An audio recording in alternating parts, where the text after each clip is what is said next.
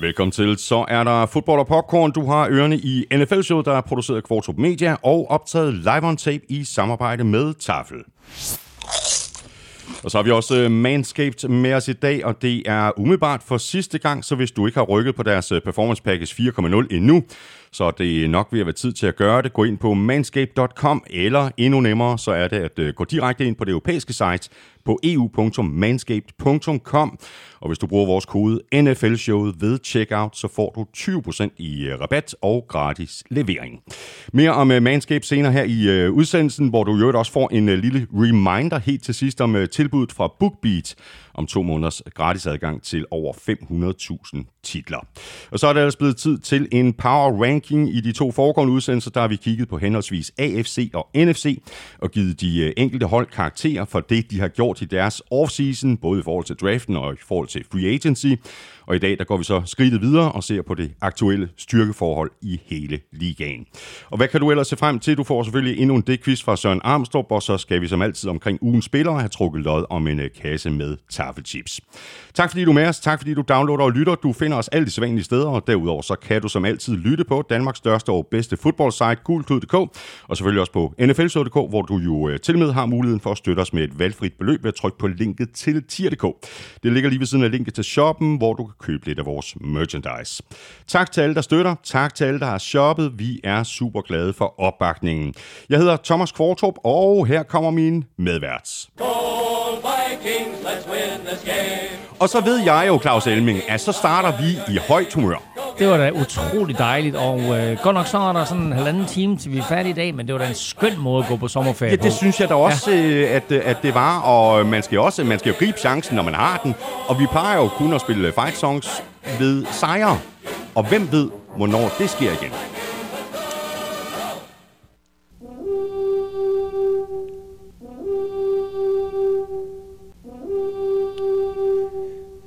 Tak for i dag. Ej, så var der faktisk en ekstra grund til, hvorfor at, øh, jeg valgte øh, Vikings øh, fight song. Fordi øh, Vikings var jo et af de fire hold, som vi postede i går i vores øh, lille ugenspiller øh, konkurrence. Ja, vi spurgte, hvem øh, vores fans eller lyttere øh, troede mest på kom i slutspillet, og der var det Cleveland Browns, Miami Dolphins, Minnesota Vikings og Dallas Cowboys, som vi havde med, og jeg valgte de fire hold, fordi det er sådan fire, som jeg i dag, når vi gennemgår power ranking, mm. har til at ligge lige der omkring midten. Det vil sige halvt inden, halvt ude af slutspillet. Sådan, over i taffesækken, der er der øh, også fire, øh, ikke fire hold, men øh, fire poser taffelchips. Jamen, øh, vi åbner med en meget genkendelig pose her.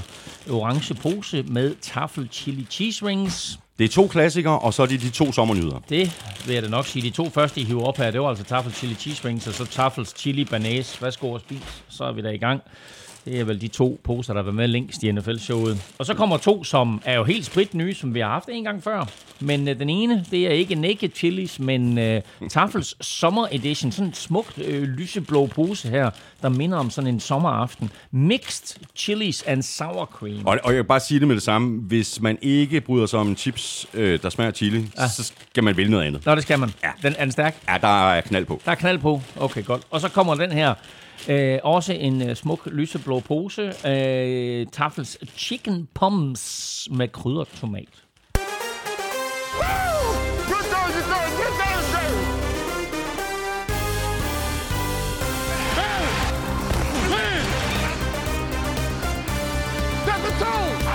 Rams vandt Super Bowl, Bengals blev runner-up, men er det så ens betydende med, at de to hold også er de stærkeste forud for 2022-sæsonen? Hvad med Bills, hvad med Chiefs, hvad med Packers, og hvem ligger i bunden?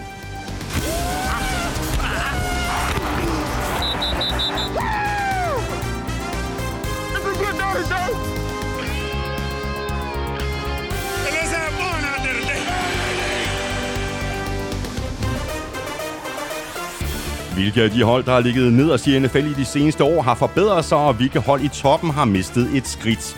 Vi går de 32 mandskaber igennem, og så får du Elmings vurdering af deres aktuelle styrkeforhold. Jeg hedder Thomas Kvartrup, og med mig har jeg lige præcis Claus Elming. Nå, Mr. Elmingo, vi kan lige nappe et par overskrifter, inden vi laver power ranking. Øh, vi begynder i LA, hvor Rams jo gav øh, Aaron Donald en øh, kæmpe kontraktforlængelse i sidste uge. Nu er turen så kommet til hans holdkammerat Cooper Cup, der også har fået en forlængelse, og det er en af de der forlængelser, der kan mærkes. Bestemt, altså han bliver en, en meget velhavende her, og bliver faktisk øh, ikke den bedst betalte receiver i NFL. Det er Tyreek Hill stadigvæk, men det garanterede beløb, som Cooper Cup mm. får, er det største af alle. Han får 75 millioner dollars garanteret på den her nye kontrakt, hvor Tyreek Hill i gåsøjne kun får 72,2. Så på den måde, der kan han jo godt tillade sig at sige, at han er den uh, receiver, der, er, der, der tjener mest, eller i hvert fald er garanteret den største indtjening. Det er også en spiller, som vi må sige, øh, er tidligere tredje runde draft pick, men jo har ikke bare bevist, at han hører til i ligaen, men også bevist, at han er omdrejningspunktet på det her Rams-mandskab. Øh, sidste år øh, griber han jo bolde for 1947 yards, han griber 16 touchdowns og har 145 catches. Alt sammen førte NFL, det vil sige alle tre kategorier, han blev, som vi har nævnt tidligere, den blot fjerde spiller i historien til at føre NFL i alle tre kategorier. Han blev kåret til Offensive Player of the Year. Han scorede to touchdowns i Rams' Super Bowl sejr, hvor han også blev kåret til, øh, til MVP. Og ser man historisk på det, øh, på den måde han øh, er kommet ind i NFL på, så siden 1970, altså hvor NFL og AFL blev slået sammen til det NFL, vi kender nu om dage, der er der kun otte spillere, som har haft øh, 5.500 yards og 40 touchdowns i deres første fem sæsoner. Det er Cooper Cup, og så er det følgende. Mike Evans, AJ Green, Calvin Johnson, altså Megatron, Larry Fitzgerald, Randy Moss, Marvin Harrison og Jerry Rice. Det er også et øh, OK selskab at være i, ikke? Ja, det er et vildt selskab, ikke? Fordi jeg synes bare ikke, at vi betragter Cooper Cup som en del af det selskab, men det er bare så god, han er. Ja, ja. Og på en eller anden måde, selvom han har været så god, og selvom han havde det der fuldstændig vanvittige 2021-sæson, så tror jeg stadig, at vi betragter ham sådan lidt som en, en, en... Altså, de andre, det er jo mere rene receiver, hvor det her, det er sådan lidt... Cooper Cup er lidt en slot receiver, som også kan stille op på ydersiden. Uh, men vi må bare sige, altså, når vi ser på de tal, og vi ser på den kontrakt, han får her, ikke? Altså, det er en af NFL's top ja. receiver lige nu. Det er det. Uden tvivl. Øh, hvordan har du det med, øh, sådan, øh, med, med at fyre penge af? Kunne du godt tænke dig at købe et øh, NFL-hold? Ja. Yeah. Fordi så skulle du til at spare sammen. Ja. Yeah. Broncos er lige blevet øh, solgt. Hvordan går det med 10 Ja, så øh, det er hermed en, en opfordring til lytterne om at spørge i kassen, hvis vi skal købe det NFL-hold. Broncos er blevet solgt 4,65 milliarder dollars. Ja. Øh, handlen, den er ikke godkendt. Den skal lige godkendes øh, af, af de ja. andre ejere i ligaen. Det tror jeg mest er en, er en formalitet, men 4,65 milliarder dollars for Broncos. Hvad vil du helst? Ej, det er et dumt spørgsmål til dig, men øh, man, man kan stille til den almindelige dansker, så tror jeg, jeg vil kende svaret. Hvad vil du helst have? Vil du helst have et NFL-hold, eller vil du helst have en storbæltsbro? det er et fuldstændig tosset spørgsmål. Jeg, jeg tager gerne øh, færgen, og så har jeg det hele hold. Sådan har jeg det også.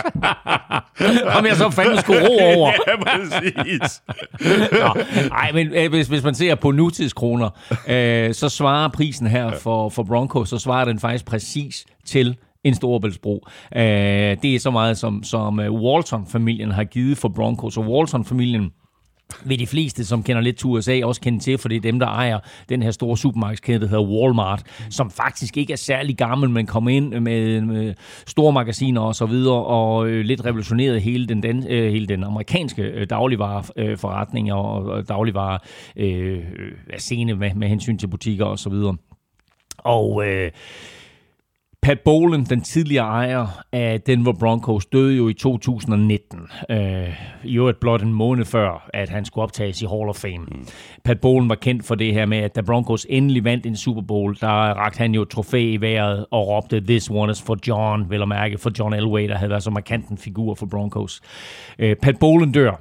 Og lige siden han døde i 2019, der har hans efterkommere ikke rigtig kunne blive enige om, hvem der skulle eje øh, hvem der skulle overtage øh, for øh, alle aktierne og, og, og dermed eje Denver Broncos. Og nu er det altså kommet dertil, at de er så uenige, og de ikke synes, at en skal overtage, eller en anden skal overtage. Der er, er lidt misundelse, og der er lidt øh, uoverensstemmelse, så bliver de altså enige om at sælge det, og dermed så har de altså nu fået 4,65 milliarder dollars for Denver Broncos, og så tror jeg, så behøver de ikke at brokke sig. Nogen, nogen af dem til nogen. Jeg tror, de er tre eller fire, der skal dele det beløb der. Så, øh, så er der nærmest ingenting. Nej, så, så altså du ved, hvordan, hvordan skal jeg overleve? Ja, det- det- Hvordan skal jeg overleve? Så, men, øh, men, men det er der, vi er, at øh, nu, øh, nu kommer en af, altså faktisk er Walton-familien, hvis du ser samlet på det, det er sådan lidt ligesom Mærsk-familiens formue, der bliver delt ud på mange forskellige. Mm. Øh, men hvis du samler, eller Lego-familiens øh, formue, der er delt ud på mange forskellige, hvis du samler hele formuen i en, så er Walton-familien faktisk USA's rigeste familie. Og nu kommer de ind og bliver en del af NFL, og det tror jeg ikke, at de 30 andre ejere og Green Bay er særlig utilfredse med. Nej, det tror jeg heller ikke. Har vi med, vi skal runde, inden vi går i power ranking, Elming? Øh, Hall of Fame-kampen, øh, den første kamp i den nye øh, sæson? Der er sat, øh, der er sat kampe på de her forskellige preseason opgør. Øh, husk på tidligere, da vi kun havde 16 kampe i grundspillet, der var der fire preseason kampe. Nu er der 17 kampe i grundspillet, og dermed er der så kun tre preseason kampe. Men altså de her 3 plus 17 giver 20. Og det vil sige, har man ni hjemmekampe i grundspillet, så har man så kun én hjemmekamp i preseason. Har man otte hjemmekampe i grundspillet, så har man så to hjemmekampe i preseason. Men der er to hold, som faktisk har fire preseason kampe, og det er Jacksonville Jaguars og Las Vegas Raiders, fordi de åbner hele preseason sæsonen med det, man kalder Hall of Fame game. Så den her, det er altså en ekstra kamp, der ligger i forbindelse med Hall of Fame weekenden, øh, som bliver spillet om torsdagen inden Hall of Fame og inden øh, øh, hvad hedder det, fejringen af de her nye medlemmer af Hall of Fame. Øh, og øh, der øh, får de altså lov til at åbne hele ballet. Og der skal vi så for første gang se Davante Adams i en Raiders uniform, og vi skal første gang se Doc Peterson i spidsen for Jacksonville Jaguars. Vi skal have quizzen! Åh, oh. Det er tid til quiz, quiz, quiz, quiz, quiz. Nu skal vi have quizzerne. Det er ikke helt det samme uden øh, bagsvalg og Chris. Nej, Nej, det vi skal, ikke- vi, skal have, det. vi skal have lukket bagsvalg og Chris med igen. Ja, det synes jeg er en god idé. Ikke? Det kan ikke nytte noget. Lad, lad, lad, lad quiz blive til lakrids. Nej, omvendt. Det, det blev, det, nu er det bare quiz. Det var en, ja, men det lå simpelthen så godt der. Ja. La quiz. La quiz. Nå, anyway, du får en la quiz fra mig. Øhm, apropos din fight song tidligere i dag, så er der jo to hold, som øh, har tabt fire Super Bowls, nemlig Buffalo Bills og Minnesota Vikings. Uh, og grunden til, at vi altid nævner dem, det er, fordi de ikke har vundet nogen Super Bowls, men har tabt de fire, de var i. Men to hold har faktisk tabt fem Super Bowls. Hvem er det? Jeg har måske et bud, men øh, Can't do it. Sådan. sådan er det jo. Godt, øh, har været i øh, fem Super Bowls og har tabt. Har de, Nej, det har nok været mere end fem Super Bowls. De har tabt fem Super de har Bowls. tabt fem Super Bowls. Ja. Alright, jamen øh, det er godt. Du skal ikke snydes for Amstrup's øh, det quiz. Øh, den øh, kommer her. 32 hold, hvor I power ranker. Hvem rykker, og hvem er det, der allerede tanker? Det handler om, hvem der er nede, hvem der skal lede, og hvem der er de fede. Hvordan går det mestrene fra Beverly Hills? Er de mon bedre end Buffalo Bills? Sidste år løb Jonathan Taylor mest, men hvilke tre har all-time løbet flest? Altså, hvilke tre running backs har løbet for flest yards all-time?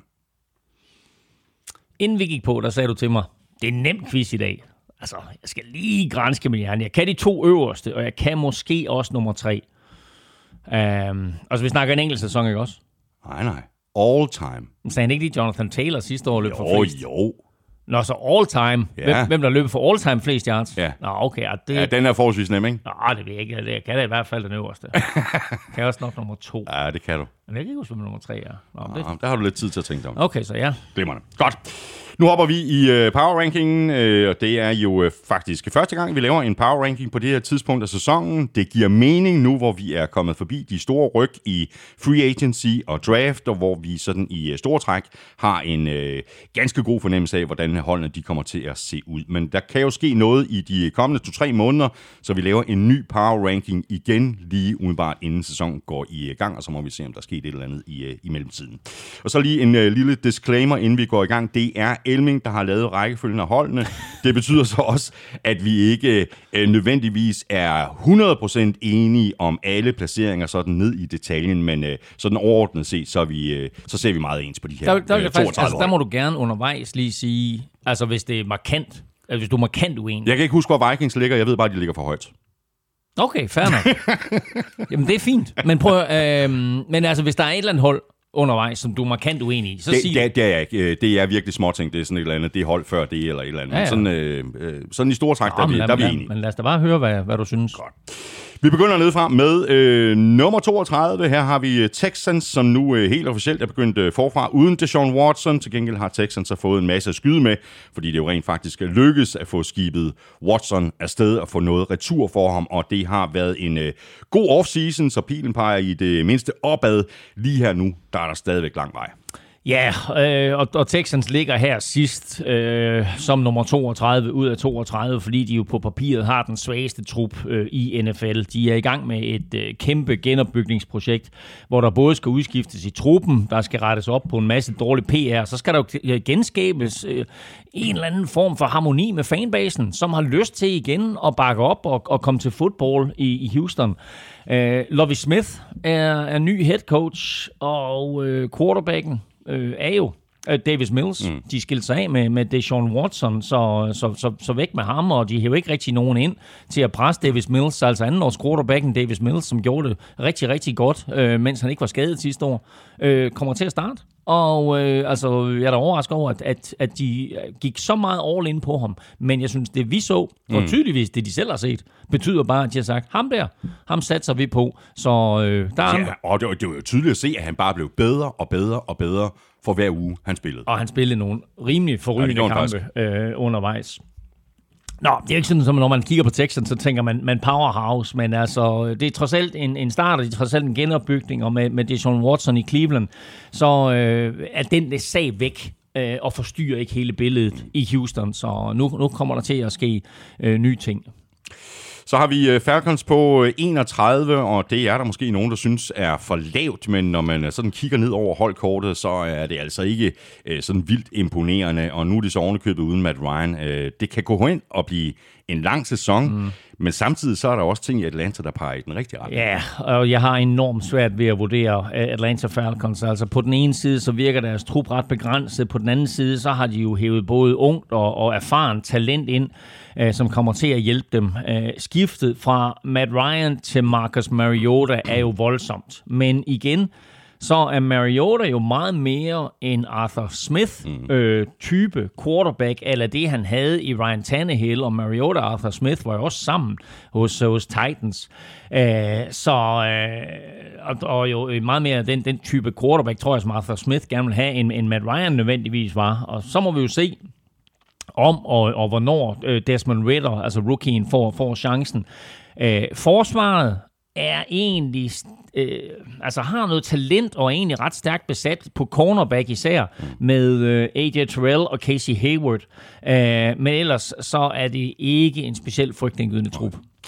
På øh, 30. pladsen der har vi Panthers, øh, der har et øh, kæmpe spørgsmålstegn ud for quarterback. Sam Darnold virker lige nu til at være det bedste bud, som holdet starter, og det er ikke helt optimalt. Matt Corral er også en mulighed, og som vi har talt om flere gange, Elming, så skal vi heller ikke udelukke, at Panthers måske henter enten Baker Mayfield eller Jimmy Garoppolo.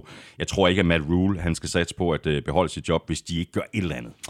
Nej, øh, altså det er i hvert fald en, en chance, han tager, fordi quarterback netop har været hans akilleshæl i sine første to år i, i Carolina. Øh, først med Teddy Bridgewater, og så sidste år med, med Sam Darnold og øh, alle de andre øh, quarterbacks, han prøvede undervejs der sidste år, ikke? Og nu her i 2022, ja, hvem ved, altså alt kan ske inden sæsonen. Måske er det Darnold, måske er det, er det Matt Corral, som du siger, eller måske uh, Jimmy G. Uh, usikkerheden på nuværende tidspunkt altså smitter ikke kun af på trænerstaben og, og på, på, på, hvad skal vi sige, på den måde ledelsen ser på Matt Rule. Det må også på en eller anden måde øh, sprede sig til resten af truppen. Øh, selvom Darnold jo har vist sig som en, en øh, god leder her i offseason øh, og siger, at han er klar til at bevise, at han hører til i NFL. Det, det skal han selvfølgelig også sige. Men mm. han siger, at han er klar til at, at bevise, at han hører til i NFL og føre Panthers til sejre. Øh, forsvaret er en styrke, og det har det været siden Matt Rule han trådte ind af, af døren. Men øh, de kommer til at savne Hassan Reddick, som vi talte om i sidste ja. uge, og de kommer også til at savne den erfarne cornerback ja. Stefan Gilmore. Mm. Og så videre til uh, Bears på 29, og som vi også har talt om tidligere, blandt andet i sidste uge, da vi gik uh, NFC-holdenes offseason igennem, så er det temmelig undervældende, hvor lidt uh, Bears har gjort for at bygge op omkring andet års quarterback Justin Fields. Mm. Uh, nu må vi se, hvilken indflydelse det får, at uh, der er blevet skiftet ud på head coach position. Ny mand i spidsen for holdet er jo Matt Eberflus. Ja, og vi talte præcis om det i sidste uge, at Bears bare ikke har gjort nok for at hjælpe Justin Fields her i, i hans andet år. Øh, de havde ikke meget at skyde med i draften, det skal siges. Og i free agency, der hentede de godt nok uh, Byron Pringle ind, Øhm, og også Equimania St. Brown, mm. altså for, for, for at hente noget, der trods alt minder om, om receiver. Øh, men det er jo lidt lige meget, hvis Justin Fields han skal løbe for livet bag en øh, bekymrende ringe øh, offensiv linje. Øh, forsvaret fik et par nye spillere ind i bagkæden, øh, både via draften og så øh, Tavon Young, som er kommet til fra Baltimore. Men øh, som det ser ud lige nu, så kommer Bears til at starte to rookies i bagkæden, øh, og det virker en smule ambitiøst, skråstreg håbløst i en division, øh, hvor man møder Aaron Rodgers to gange om året, og trods alt også øh, spiller mod et Minnesota Vikings hold, der har en Justin Fields og Adam Thielen løbende rundt, og et, Bears, og et, et Lions hold, der har opgraderet på receiver-positionen. Ja, det, det er lidt optimistisk. Ja, det, det, det, det, det synes jeg. Øhm, jeg håber, den nye trænerstab husker at beskytte Fields Altså simpelthen lave noget max protection, give ham nogle plays, der, der beskytter ham. Fordi hvis han begynder at improvisere øh, alt for meget, og hvis han skal til, som sagt, at løbe for livet, så kan det blive en meget, meget lang sæson for ham og for Bears. Og vi skal jo helst ikke ud i sådan en Andrew Luck-situation med ham. Så, så, så giv ham det beskyttelse, han kan, og skrue et system sammen, som, som gør hans andet år i NFL nemmere. Så har vi uh, Jaguars på uh, 28, og det er selvfølgelig ikke nogen uh, powerhouse-placering, men omvendt så er der blevet tilført en del nye spillere, der kan være med til at løfte holdet, ikke mindst i draften. Derudover så er Urban Meyer væk som head coach, han er blevet erstattet med Doug Peterson, og nu må vi så se, hvor andet quarterback Trevor Lawrence er i sin udvikling, mm. om det er i år, han får sådan forløst sit potentiale. Ja, jeg synes faktisk, der blæser positive vinde for Florida, hvor især ankomsten jo er af head coach Doug Peterson øh, bør få en, en positiv indflydelse på holdet, og ikke mindst jo øh, quarterback Trevor Lawrence. Øh, man kan selvfølgelig sige, at det kunne heller ikke blive meget værre efter, efter Urban Meyer. Øh, Jacksonville brugte en masse penge i offseason. Ikke alle sammen lige klogt, men de fik da en salgfandsindsprøjtning af talent, både i free agency og draften. Og så må vi se, hvem der er pengene værd, og hvem der er et højt draft pick værd. Øh, lidt stats omkring Trevor Lawrence. Han var 41 og 0 i high school. Det vil sige, at han tabte ikke en kamp i high school. Han var 34 og 2 i college. De to kampe, han tabte i college, var begge i playoffs. Det vil sige, at han har ikke tabt en grundspilskamp i college eller high school. Han er 75 og 2 alt i alt i de seks år, han gik i high school og college. Det tog ham tre uger i NFL at tabe flere kampe, end det havde taget ham i high school og college til sammen. Nu skal han tilbage til at vinde kampe. Øh, det skal han for sin egen selvslid, det skal han for Jacksonville. Uh, han skal bevise, at han er det der generationstalent, og at han var det der nummer et pick hver sidste år. Og jeg har det sådan lidt, at når du hører ham tale, og du ser på ham og så videre, jeg kan virkelig godt lide ham. Og jeg håber, at det lykkes for ham, og jeg håber, at Doc Peterson er den rigtige mand for ham, uh, og jeg håber, at, at det, de prøver på at skrue sammen dernede, er godt. Uh, de skal stadigvæk have nogle opgraderinger, som, som de mangler lige nu. Øh, men altså, få en god start i år for Jacksonville, og så bygge videre på det. Mm. På plads øh, 27, der har vi Seahawks, og det er altså et øh, gevaldigt fald, hvis vi sammenligner med den power ranking, som vi lavede umiddelbart før sæsonstarten i 2021. Men øh, det her fald, det skyldes øh, selvfølgelig ikke mindst, at øh, de nu er uden holdets helt store stjerne gennem de seneste 10 år. Russell Wilson, og ja, så Bobby Wagner også væk øh, på forsvaret. Men øh, en, faktisk en, en OK draft, og, og, og så har de en del at skyde med i de kommende år. Men altså, de er placeret her nu på power ranking nede på nummer 27. Ja, jeg var da også meget i tvivl om en plads, der hedder altså seks pladser fra bunden, om det var for højt eller for lavt. Altså, de sluttede sidste sæson som det 9. dårligste hold i NFL. Øh, og siden har de, som du siger, sagt farvel både til Russell Wilson og Bobby Wagner, øh, uden sådan at få nogle nævneværdige spillere ind. Altså, den nye quarterback hedder Duloc eller øh, Smith. Rygterne fra Seattle siger nu, at, at, at det er Gino Smith, der fører det der kapløb om at blive startende quarterback. Øh, og ingen af de to skræmmer jo øh, særlig mange. Men det gør løbeangrebet måske fordi som vi jo så øh, sidste år, så kom det jo sådan lidt til live der i de sidste 4-5 uger af grundspillet. Øh, og jeg kunne godt se Seahawks ændrer sådan lidt filosofi og blive sådan et mere hard-nosed, øh, hard-running football-mandskab, som man jo øh, som forsvar ikke gider møde, fordi mange hold de er optimeret til at dække op mod kast, og så lige pludselig så møder man sådan et hold her, som bare gør ondt på dagen, og også gør ondt et par dage efter, og man sådan, åh, det var også irriterende, at jeg skulle løbe ind i ham der, og du ved, det er fint nok, man godt takle en running back i første quarter, og også godt takle ham i anden quarter, men når du så sådan hen i tredje quarter og fjerde quarter bare bliver ved med at få sådan et par tunge running backs i hovedet, så begynder man bare at trække sig lidt, og, og det kan vise sig at være måden, som Seattle de kommer videre fra, øh, fra Russell Wilson på, simpelthen at, at ændre lidt filosofi, inden de selvfølgelig skal tilbage igen og, og være et kastangreb, som, som mere eller mindre alle er jo er i NFL i øjeblikket. Øhm, måden, de sagde farvel til Bobby Wagner på, var ikke fin, og øh, de har ikke en spiller i truppen lige nu, synes jeg, som kan levere det, han kunne, øh, hverken spillemæssigt, ledermæssigt eller mentalt. På plads øh, nummer 26, der har vi Giants. Øh, der har godt nok ikke været meget at råbe hurra for de seneste år, men jeg tror faktisk, det er den helt rigtige løsning for dem med den her nye duo, der er kommet til for Bills, altså ny head coach Brian Dable og GM Joe Shane. Øh, og så er det så også nu, at øh, Jalen Jones han skal bevise, at han er fremtidens mand. Ellers øh, så kan det måske blive hans sidste sæson i New York.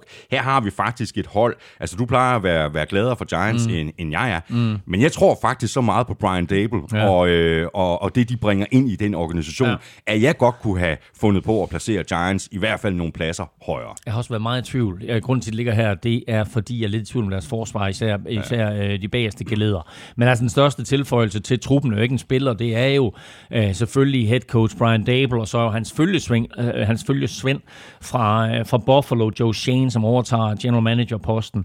Øh, de har allerede sat deres aftryk på holdet ved at skabe en ny offensiv linje, som vi talte om i sidste uge, øh, og nu er næste projekt så at gøre Daniel Jones til en NFL quarterback, eller i hvert fald finde ud af, om man skal satse på ham øh, i, i fremtiden. Øh, de har valgt ikke at forlænge ham på den her femteårsoption, men det betyder jo ikke, at de for eksempel efter i år ikke kan franchise ham, eller for en sags skyld. Ja, altså, jeg forestiller mig ikke, at han får en lang kontrakt efter i år, men de går franchise ham efter i år. Det vil sige, så har de år og næste år til at vurdere ham, og gør han det godt, så er sige, fint nok. Vi satser på ham, vi tror på ham, og, og giver ham en, en længere kontrakt. Øhm, jeg tror på, at Giants angreb, lidt ligesom dig, kan overraske positivt Især også, hvis man spiller fantasy. Der er altså et par mm. spillere her, som godt kan, øh, kan, kan, kan få lidt af en breakout season. Øh, de forlydende, der kommer fra New York Giants land, er, at Saquon Barkley kommer til, jeg tror vi nævnte det sidste år, også kommer til at blive en af de store vindere her. Mm. Og ikke kun med at løbe bag den her offensiv linje, men også fordi Brian Dable kommer til at Præcis. bruge ham som receiver, både ud af backfield, men måske endda også stille ham op som receiver. Så spiller man fantasy, så øh, sæt lige et stort hak ved, øh, ved, ved Saquon Barkley. Øh, jeg tror, de kommer til at vinde flere øh, kampe end de fire, de vandt øh, sidste år, som i øvrigt er det færreste Giants nogensinde har vundet, øh, hvilket når man tænker over det er ret imponerende, ikke at et hold, der har eksisteret siden 1925, aldrig har øh, vundet færre end fire kampe. Ikke? Det lykkedes dem jo så på mystisk vis at gøre sidste år. Øhm, men jeg har dem liggende lavt her, fordi jeg har lidt bekymring omkring øh, deres forsvar. Og fra et øh, New York-hold til øh, det andet på plads 25, øh, der finder vi nemlig Jets, og det er svært at placere dem sådan ret meget højere, selvom der i virkeligheden er masser af grund til optimisme. Zach Wilson går ind i sit andet år. Jets har haft en rigtig god offseason, ikke mindst draften sad mm. lige i skabet med flere spillere, der kan gøre en kæmpe forskel, måske endda allerede fra i år. Ja, og prøv at tænke på, øh, hvis vi tænker tilbage på sidste år, ikke? Der havde vi faktisk et par samtaler. Det var ikke noget, vi sad og fandt på. Det var så noget, der kom ud af, af, af New York-pressen, ikke? at Robert Salas job var i fare. Og det er lidt vildt at sidde og, og tænke tilbage på. Det er jo ikke andet end 6-7 måneder siden, at vi sad og talt om det. Men det var så fordi, der var lidt ballade med hans forsvar, det ikke rigtig havde levet op til de, øh, de ting, han, han havde vist, at han var i 49ers. Men den måde, som han og resten af Jets organisation har genopbygget holdet på i de sidste to sæsoner, det synes jeg faktisk er ret imponerende. Selvfølgelig også hjulpet af, at de havde øh, tre første runde draft picks i år, og OK, vi ved jo ikke, øh, om nogle af de tre kan levere på, på NFL-niveau, men sådan på papir, der ligner de jo alle tre kommende øh, NFL-stjerner. Læg dertil, at øh, Zach Wilson jo spillede sig op sent i sæsonen sidste år, og at de både har været aktive i, i free agency øh, og, og får et par spillere ind øh, fra skade der, øh, eller både har været aktive i, i free agency og får et par spillere tilbage fra skade så synes jeg faktisk, at, at det, det her det er en ret talentfuld trup, som New York Jets de kan mønstre. Øh, nu skal vi så se, om Salers øh, store visioner for forsvaret kan udvikle sig i år. Øh, og sker det, så er det jo ikke sikkert, at Jets ender med at blive sidst i en meget svær Nej. AFC East-division. Så har vi uh, Commanders på øh, 24, øh, og det er altså noget af et uh, fald fra 14 på den uh, power ranking, vi lavede umiddelbart før sæsonstarten i 2021. Men forsvaret, det skuffede sidste år, og nu må vi så se, om uh, det var den rigtige beslutning at hente Carson Wentz hos Coles. Uh, hvis det hele nu uh, klikker på angrebet med Scary Terry og Jahan Dodson, så kan angrebet blive bedre, end det var sidste år. Og så har de jo øh, Sam Howell i, i baghånden. Ikke at jeg tror, han kommer på banen. Nej, jeg, jeg har, altså nu ligger de her på plads 24, ikke? Altså, jeg har meget, meget svært ved at placere Washington. Altså på den ene side, så burde de jo være langt bedre end øh, plads 24, men øh, på den anden side, så kunne jeg godt placere dem øh, under både Giants og Jets. Øh, deres forsvar, har du fuldstændig ret i, burde være en styrke, men øh, vi så det jo falde helt sammen øh, sidste år. Det var allerede inden Chase Young, ja. han, øh, han blev skadet.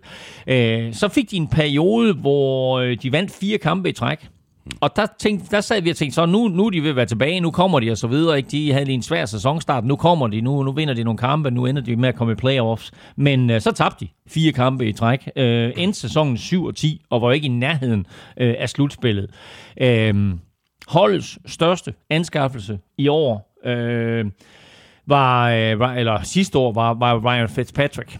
Han kom ind øh, efter det her gode år, han har haft i Miami skal være styrmanden, skal være dem, som, altså du ved, Washington, man kan sige, der hvor vi er nu med Washington, det, det, det går helt tilbage til for to år siden, hvor vi så, de kom i slutspillet mm. øh, med, med Taylor Heineke, øh, havde det her vilde forsvar, øh, var ved at slå Buccaneers i slutspillet. Buccaneers ender med at vinde Super Bowl, ikke? Var ved at slå dem i slutspillet. Og der tænker mange i Washington, at vi mangler bare lige en brik, og det er en quarterback. Og Ryan Fitzpatrick spiller fantastisk i Miami. De hiver Fitzpatrick ind. Han ender med at blive skadet i den første kamp, ser ikke banen resten af sæsonen, taler Heineke spiller, gør det fornuftigt, men Washington er ikke i nærheden at have samme kaliber hold, som de havde året forinden. Men kigger du ned over holdkortet, så er meget af holdet det samme, som det har været de mm. sidste to sæsoner. Og igen siger de, hey, vi mangler bare lige en quarterback. Så i år, der tager de så en ny chance og siger, nu hiver vi Carsten Wentz ind. Og lige så meget som jeg håbede på Carsten Wentz sidste år hos Colts, øh, og troede på ham, lige så lidt kan jeg se ham få succes for Washington i år. Han, Men altså, han var en skuffelse sidste år. Han var en, ja, det var han. Øh, og det var han især der sidst, i, ja. sidst, sidst på sæsonen. Ikke? Um, om han får succes, øh, det vil jeg se, før jeg tror det. Men altså, spiller han mere disciplineret, øh, så har Washington en, en undervurderet trup, som godt kan komme tilbage til det niveau, vi, vi så for to år siden. På øh, 23, der finder vi Lions, der er ligesom Jets, som vi jo talte om for lidt siden, er i fuld gang med at bygge op mere eller mindre for bunden, og ligesom øh, Jets, der har Lions også haft en øh, fornuftig offseason, hvor de altså besluttede at fortsætte med Jared Goff på quarterback, i hvert fald en øh, sæson mere, og i stedet for sådan at forsøge at øh, reache efter en, øh, en ny quarterback i draften, så tog de blandt andre edge rusher Aiden Hutchinson og wide receiver Jameson Williams i, øh, i første runde i draften, og internt i divisionen, der er Lions altså over Bears. Det er de. Øh, jeg synes, øh, genopbygningsprojektet i Detroit går rigtig, rigtig godt, og om det lige er Lions eller Jets, der har mest fart på i den afdeling, det kommer lidt an på quarterback-situationen. Øh, Jets startede jo med at hente en quarterback. Lions gør det øh, på øh, den anden måde, nemlig at, øh, sådan, at, at, at de gør det, de henter en quarterback som det sidste. Øh, I hvert fald har de udskudt det til fordel for at opgradere på andre positioner, øh, og derfor så er Jared Goff jo øh, ubestridt starter i år. Øh, kan du jo nævne hans backup? Åh, oh, det kunne næsten have været quizzen, det der. Kan du vil, have noget? Ja, et Can't do it.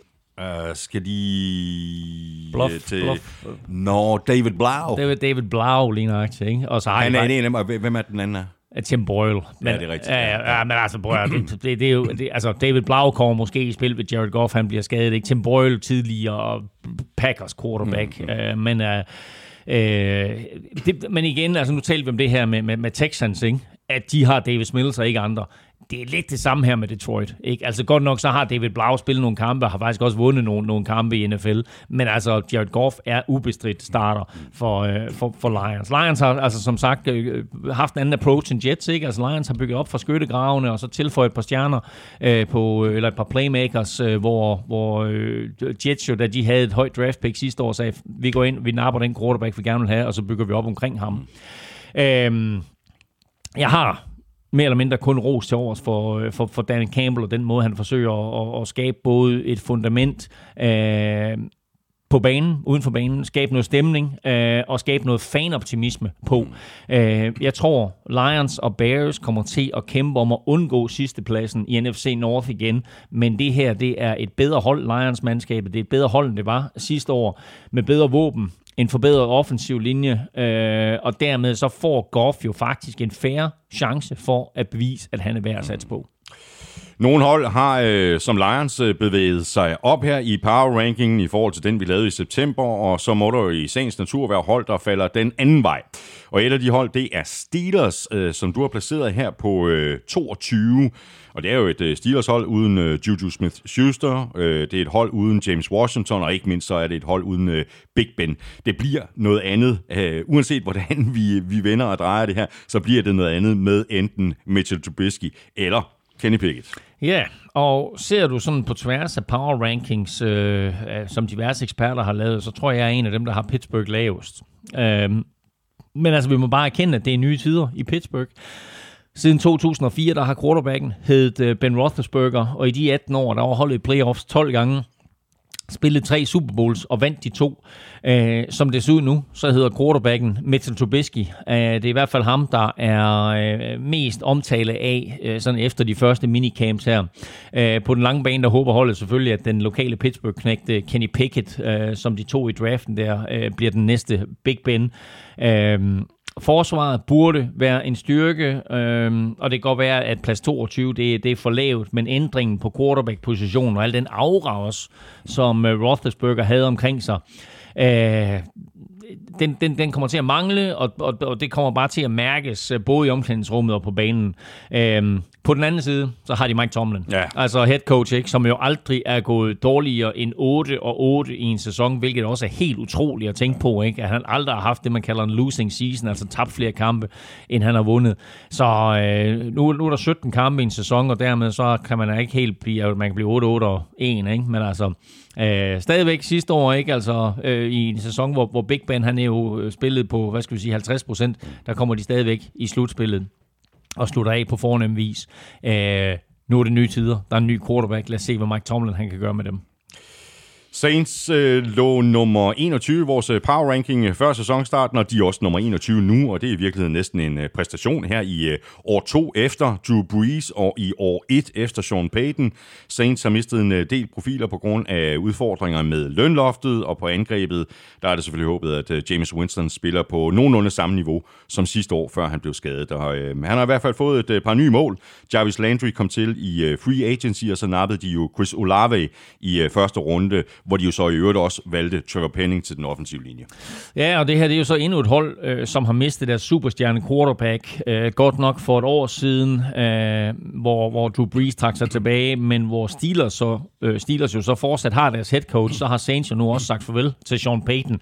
Øh, og den duo, øh, Brees og Payton, øh, Øh, tog jo Saints fra kulkælderen i 2006 og, og bar jo nærmest både holdet og, og, og hele byen New Orleans øh, gennem naturkatastrofer øh, med Saints som sådan en form for ledestjerne. Ikke? Øh, og de er nu begge væk. Øh, heldigvis så bæres fakten jo videre af, af Dennis Allen, som var defensive coordinator, og dermed altså en træner, som, som ligesom var inde i øh, hele organisationen og, og, og kan fortsætte øh, alle de gode ting, som, som Sean Payton har bygget op. Øh, og så må vi så se, hvordan quarterback James Winston klarer sig uden øh, Sean Payton. Øh, jeg skal lige sige om, om James Winston, at selvom hans stats øh, sådan var fine sidste år, inden han blev skadet, så synes jeg, de snød lidt Øh, men man kan ikke tage fra ham, at han var 5 og 2 øh, da han fik den her korsbåndsskade, og, og, og sæsonen sluttede for ham. Øh, hvis du kigger på NFC South, Bucks, Saints, Panthers, Falcons, så burde Saints være det næstbedste hold i divisionen. Øh, og det sjove er jo, at de jo har haft krammet på Buccaneers uh, i de to år, Brady har spillet i NFC South. De uddelte jo faktisk et æg, ja. til Tom Brady sidste år, hvilket hører til sjældenhederne. En uh, lille, uh, man kan ikke sig at kalde det breaking news endnu, men måske en breaking news, det er jo, at running back David Johnson har været på besøg i New Orleans og forventes at skrive en kontrakt med holdet. Spændende. Alle ved jo, at øh, Bill Belichick kan øh, ting og sager, når han skal have noget ud af sine øh, spillere, men det er alligevel en lille bitte smule svært at se, hvordan Patriots sådan for alvor skal udfordre resten af AFC, og, og selvfølgelig ikke mindst Bills i divisionen. Du har dem her på 20, Elming, og øh, der er altså også uh, smuttet en del profiler ud af døren i New England. Cornerback JC Jackson, guard Shaq Mason, center Ted Karras, bare lige for at nævne nogle af de største navne. Og så er både Belichick, og ikke mindst Mac Jones nu uden den uh, tidligere offensive koordinator, mm. Josh McDaniels. Ligneragtigt. Og det her, det er igen et hold, jeg er vanvittigt meget i tvivl om. Altså, Patriots har Bill Belichick, og han er naturligvis garant for et mandskab, der altid er forberedt til fingerspidserne. Men Tom Brady er der ikke mere, og nu er Josh McDaniels også væk. Uh, Patriots har i øvrigt lidt underligt ikke officielt sat navn på deres nye offensive coordinator, hvilket jeg synes virker lidt mærkeligt. Mm. Favoritten lige nu ligner Matt Patricia, øh, der jo øh, sidst han var, øh, eller havde en, en høj trænerstilling i Patriots, der var han jo defensive coordinator, og på baggrund af det arbejde, han lavede som defensive coordinator, der endte han jo med at blive head coach for Lions. Øh, kommer så tilbage til Patriots, efter han bliver fyret hos Lions, øh, og overtager angiveligt nu, måske, angrebet, øh, og skal altså til at, at kalde plays for, øh, for Mac Jones. Øh, efter sidste sæsons øh, vitamintilskud af free agents, så var Patriots jo faktisk forbløffende passiv i år. Øh, jeg synes ikke holdkortet er særlig prangende. Øh, men igen, med Belichick ved roret, så ved vi jo, at de nok skal vinde deres kampe. Øh, men jeg har svært ved, og nu siger jeg det, jeg har svært ved at se dem nå playoffs mm. i år. Du hørte det her første gang. Videre til øh, Vikings her på 19, højere placeret end både Bears og Lions det er i divisionen. Det er du enig i. De ligger alt for højt. Du er enig i, at de skal være højere end Bears Lions? ja, det er jeg enig. Okay, men synes Godt. du 19 er for højt? Nej, det synes jeg faktisk ikke. Jeg synes faktisk, at det er, den har du ramt, øh, nå, den nå, okay. har du ramt rimelig for nu. Nej, jeg drillede bare. Nå, nå, okay. Nej, nå. altså højere end Bears Lions og lavere end Packers. Sådan må, sådan må det næsten ja, ja. være. Vi talte jo, lavere end Packers. ja, vi talte jo også om det i sidste uge, øh, Elming, at øh, Vikings var tæt på at øh, komme med i slutspillet sidste år. De tabte simpelthen bare for mange tætte kampe, og det er jo så grunden til, at Mark Zimmer blev skiftet ud med Rams tidligere offensiv koordinator Kevin O'Connell som head coach. Det må jo så give håb om et mere opfindsomt og måske endda sprudlende angreb. Ja, altså jeg vil godt lige holde fast i det der med placeringen, fordi jeg synes jo, at nummer 19 er alt, alt, alt for lavt. uh, det her er uh, NFL's uh, måske bedste hold. Jamen altså, hvis du, hvis du, altså, i, hvert fald, i hvert fald vest for Green Bay, øst for Seattle og nord for Indianapolis, der er det, der er det det bedste. Der, der, der, der, der, der, er det det bedste hold. Med Man kan sige, man kan sige det med om Vikings, at de var stabile under Mike Zimmer.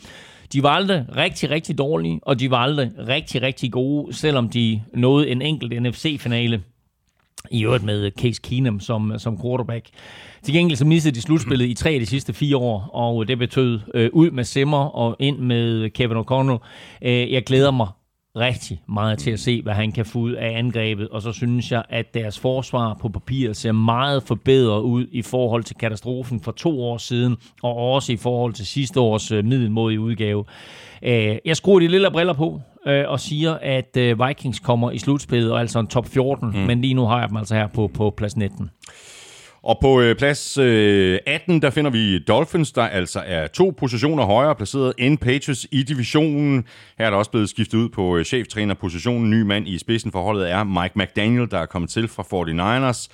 Og øh, Monika, at øh, hans plan er at bruge en, en stor del af Kyle Shanahans playbook, som han jo kender ud og, og ind. Og her bliver Tyreek Hill selvfølgelig et omdrejningspunkt, sammen med Jalen Wardle og den en god running back efter den anden. Mm. Tua har ikke rigtig nogen undskyldninger. Ikke sådan på forhånd i hvert fald. Nej, øh, jeg vil sige, at det her det kan blive en dreng eller en pige. Øh, og øh, i forhold til vores afstemning om ugens spillere, så kan jeg også øh, mærke, at, øh, at vores øh, lyttere derude tror, at øh, Dolphins de kommer til at klare sig bedre end den plads 18, jeg har dem på her. Øh, deres succes i år, afhænger næsten udelukkende af Tua Tonga Alt er på plads til, at han skal have succes. Og får han det, så kan Dolphins faktisk blive rigtig gode. Øh, altså, de har jo på papiret det sygeste angreb, og måske NFL's to hurtigste spillere i Tyreek Hill og Raheem Mostert. Øh, den offensive linje er forbedret. Øh, forsvaret har et par rigtig store profiler i bagkæden i form af Savion Howard og Byron Jones, og der er også safety øh, Javon Holland, som jo fik sit lidt af et gennembrud sidste år.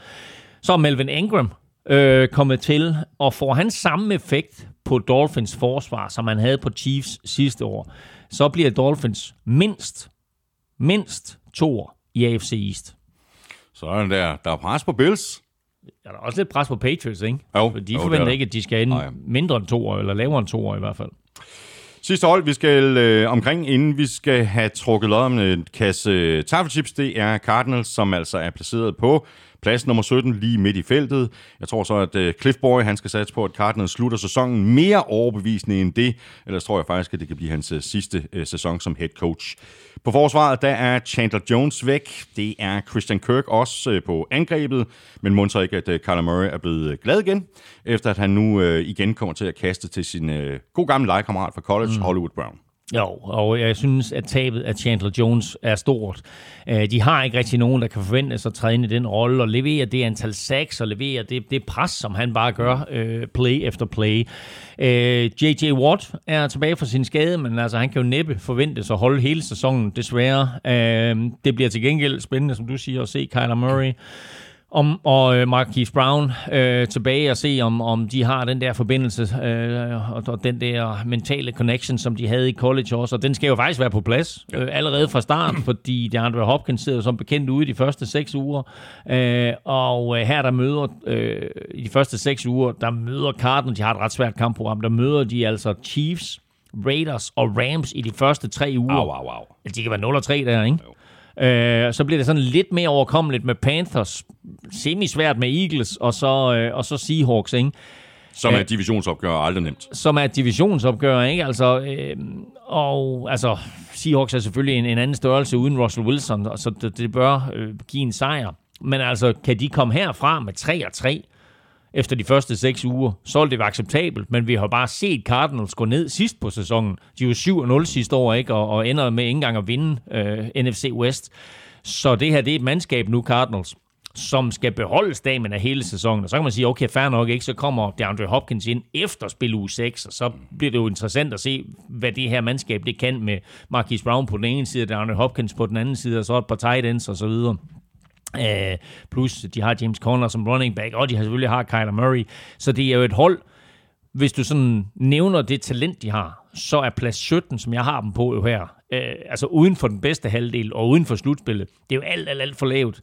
Men jeg er bare bekymret for den start, de skal have på sæsonen, og det faktum, at DeAndre Hopkins ikke er der, og så ved vi ikke om Marquise Brown og Kyler Murray, om den der connection, den fungerer.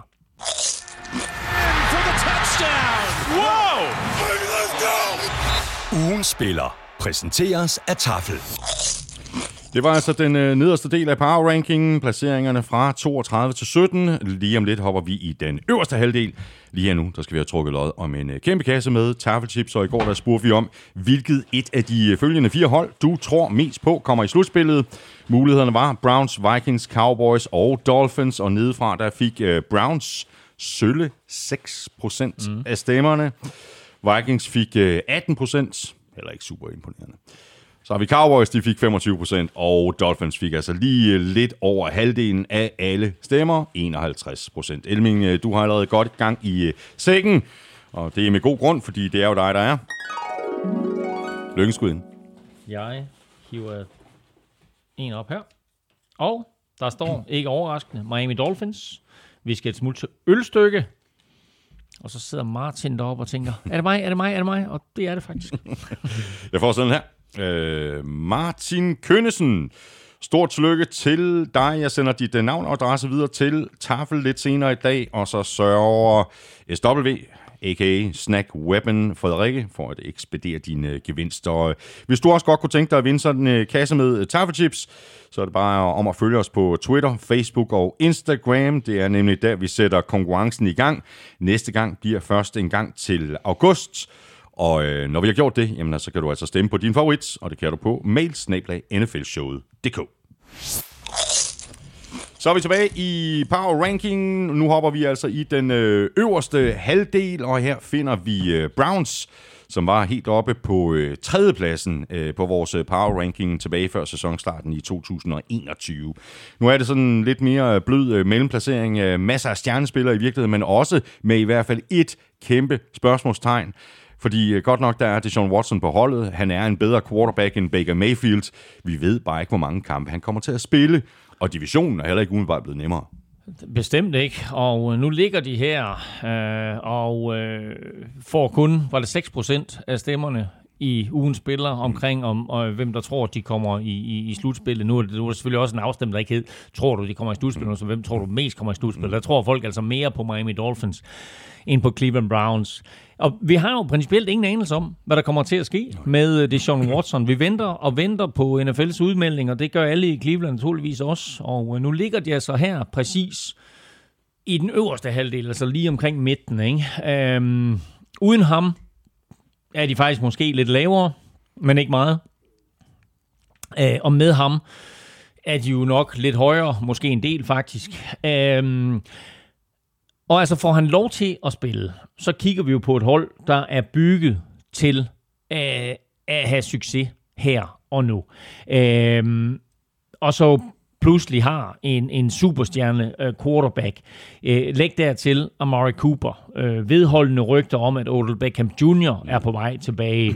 Øh, Nick Chubb og Kareem Hunt på, på running back Ikke? Og et forsvar med Miles Garrett og, og det David Clowney. Og så kan jeg godt se dem få udløst det potentiale, som vi jo forventede både forrige år og sidste år, mm. øh, skulle blive til noget. Ikke? Og som du siger, det Sean Watson er en bedre quarterback end, end Baker Mayfield, og det er han med stor sandsynlighed. Uh, og nu må vi se, ikke? Han, har, han har også set ud ja, et, et helt år, det Sean Watson. Og spørgsmålet er nu, hvor lang karantæne han får, og hvad der kommer til at ske. Nu er der kommet to yderligere søgsmål. Vi har jo talt om 22 søgsmål hele vejen igennem. Nu er der kommet et 23. og et 24. Øh, og som jeg lige så, så siger de, det der 24. Det kommer tidligst for retten i 2024. Ikke? Altså, det, det er så langt processen er. Så altså, hvornår, hvornår skal NFL tage sin endelige beslutning, og hvor lang tids karantæne skal de give ham?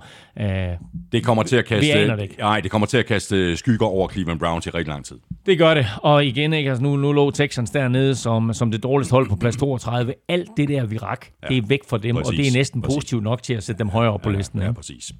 Så har vi uh, Cowboys her på uh, plads nummer 15. Cowboys er nu uden blandt andre Amari Cooper, Defensiven er uden pass rusher. Randy Gregory, øh, de er så blevet erstattet med James Washington og Dante Fowler. Det er ikke helt det samme. Så har vi øh, Dak øh, Prescott, øh, som jo har spillet en hel sæson efter sin skade.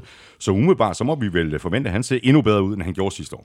Jeg synes, Dallas havde en mærkelig offseason. Altså, de mistede en helt stak profiler og erstattede dem med dårligere spillere. Øh, Amari Cooper og Cedric Wilson er væk. Øh, ind er kommet James Washington. Randy Gregory øh, er væk. Ind er kommet Dante Fowler øh, væk med Connor Williams, altså den her offensive guard, ind med øh, en rookie. Øh, I øvrigt, lille sjov ting, som det ser ud nu, øh, så starter Cowboys øh, på den offensive linje, der starter de T. Smith på venstre tackle, de starter T. Smith på venstre guard, og så starter de hen, altså henholdsvis Tyron og Tyler, ikke? Øh, og så starter de jo også øh, Tyler Badass på, øh, på center, så venstre side hedder altså Tyron, Tyler og Tyler. Øhm, ja, det, det er sådan noget, jeg synes, der er sjovt. Hashtag fun fact. Ja, præcis. Så hedder, hedder, hvad hedder det, højre tackle, jo Terrence til fornavn, ikke? Så, og så har du lige Zach Martin. Nå, anyway, um, som jeg sagde sidste uge, så er Cowboys et af de der få hold, som jeg vil påstå, er blevet dårligere, end de var sidste år. Men på den anden side, hvis Dak Prescott han spiller bedre, så er holdet jo formodentlig også bedre. Og så vil jeg lige sige, at jeg glæder mig til at se Micah Parsons ja. i år to hold nu kæft, en sæson han havde. Ja, ja, det var sæson. vanvittigt. Det var fuldstændig vanvittigt. Så har vi på øh, pladsen nummer 14, der har vi Titans, der jo satte sig på AFC South sidste år med øh, pæn luft ned til Colts på andenpladsen. Og som den øh, opmærksomme lytter sikkert øh, har lagt mærke til, så har vi ikke været omkring Colts endnu, der altså nødvendigvis må ligge højere på listen. Et af de helt store tab for Titans i offseason er selvfølgelig, at de har sagt øh, farvel til AJ Brown. Forløbig så er det Ryan Tannehill, der er førstevalget på quarterback, øh, men de har så også lige en lille lotto i Malik Willis, som de jo fik så sent som i tredje runde i draft draften. Ja, øh, nogle gange, når jeg sidder og tænker tilbage på 2021, så glemmer jeg, at Titans var første seed i AFC. Og jeg synes, det er sådan lidt svært. Altså, man, man sidder og tænker, ja, gud, ja, det var Titans, der var første seed i, altså i hele AFC sidste år, ikke? Øh, men øh, så mødte jo et, et brandvarmt øh, og lidt heldigt Bengals-mandskab i slutspillet, øh, og så tabte de jo på trods af, at de saggede Joe Burrow ni gange. Øh, I mellemtiden har de så sagt farvel til øh, A.J. Brown, men har hentet Robert Woods ind. De har også draftet ham her, Traylon Burks, mm. som jo mange siger er en A.J. Brown-klon. Men... Øh, Øh, igen, så er det her et mandskab, som jeg måske synes er knapt så godt, som det var sidste år. Øh, ser vi på tværs af divisionen, så er Colts øh, blevet stærkere i offseason, og øh, Titans øh, skal spille virkelig godt. Forsvaret skal være skarpt, og Derrick Henry han skal undgå skader, hvis de skal håbe på at vinde divisionen igen mm. og gøre sig forhåbninger om måske at presse på for at blive første seed. Men øh, der er altså mange ombud i år i, ja. i AFC. Ja, det er der virkelig. Så er vi fremme på øh, plads nummer 13. Her finder vi 49ers. Vi er jo alt, alt for lavt. Øh. Nå, øh, vi er, vi er dybest set øh, enige om, at 49ers ikke har haft sådan den mest øh, fortryllende offseason. Det har nu heller ikke været den, øh, altså, den, den værste. Det har ikke været nogen katastrofe. Men øh, Jimmy Garoppolo, han er stadig på holdet. De er blevet nødt til at slippe ham på et eller andet tidspunkt, enten via et trade, eller simpelthen ved at fritstille ham. Det kommer nok øh, først til at ske umiddelbart øh, før sæsonstart. Alt handler om Trey Lance. Våbnene er faktisk på plads. Den offensive linje kommer til at se helt anderledes ud med afgangen af Alex Mack, Laken Tomlinson mm. og Tom Compton. Mm. Der er noget arbejde på der på den offensive linje. Det er der, øh, og der er også noget arbejde med på quarterback, fordi hvis man sådan kigger ned over favoritterne i både NFC og AFC, så er det jo svært at nævne et mandskab med Super Bowl-potentiale, der ikke har en top quarterback. Men 49ers er måske det bedste bud på et hold, der faktisk kan vinde kampe, og endda også en Super Bowl uden en topspiller på positionen.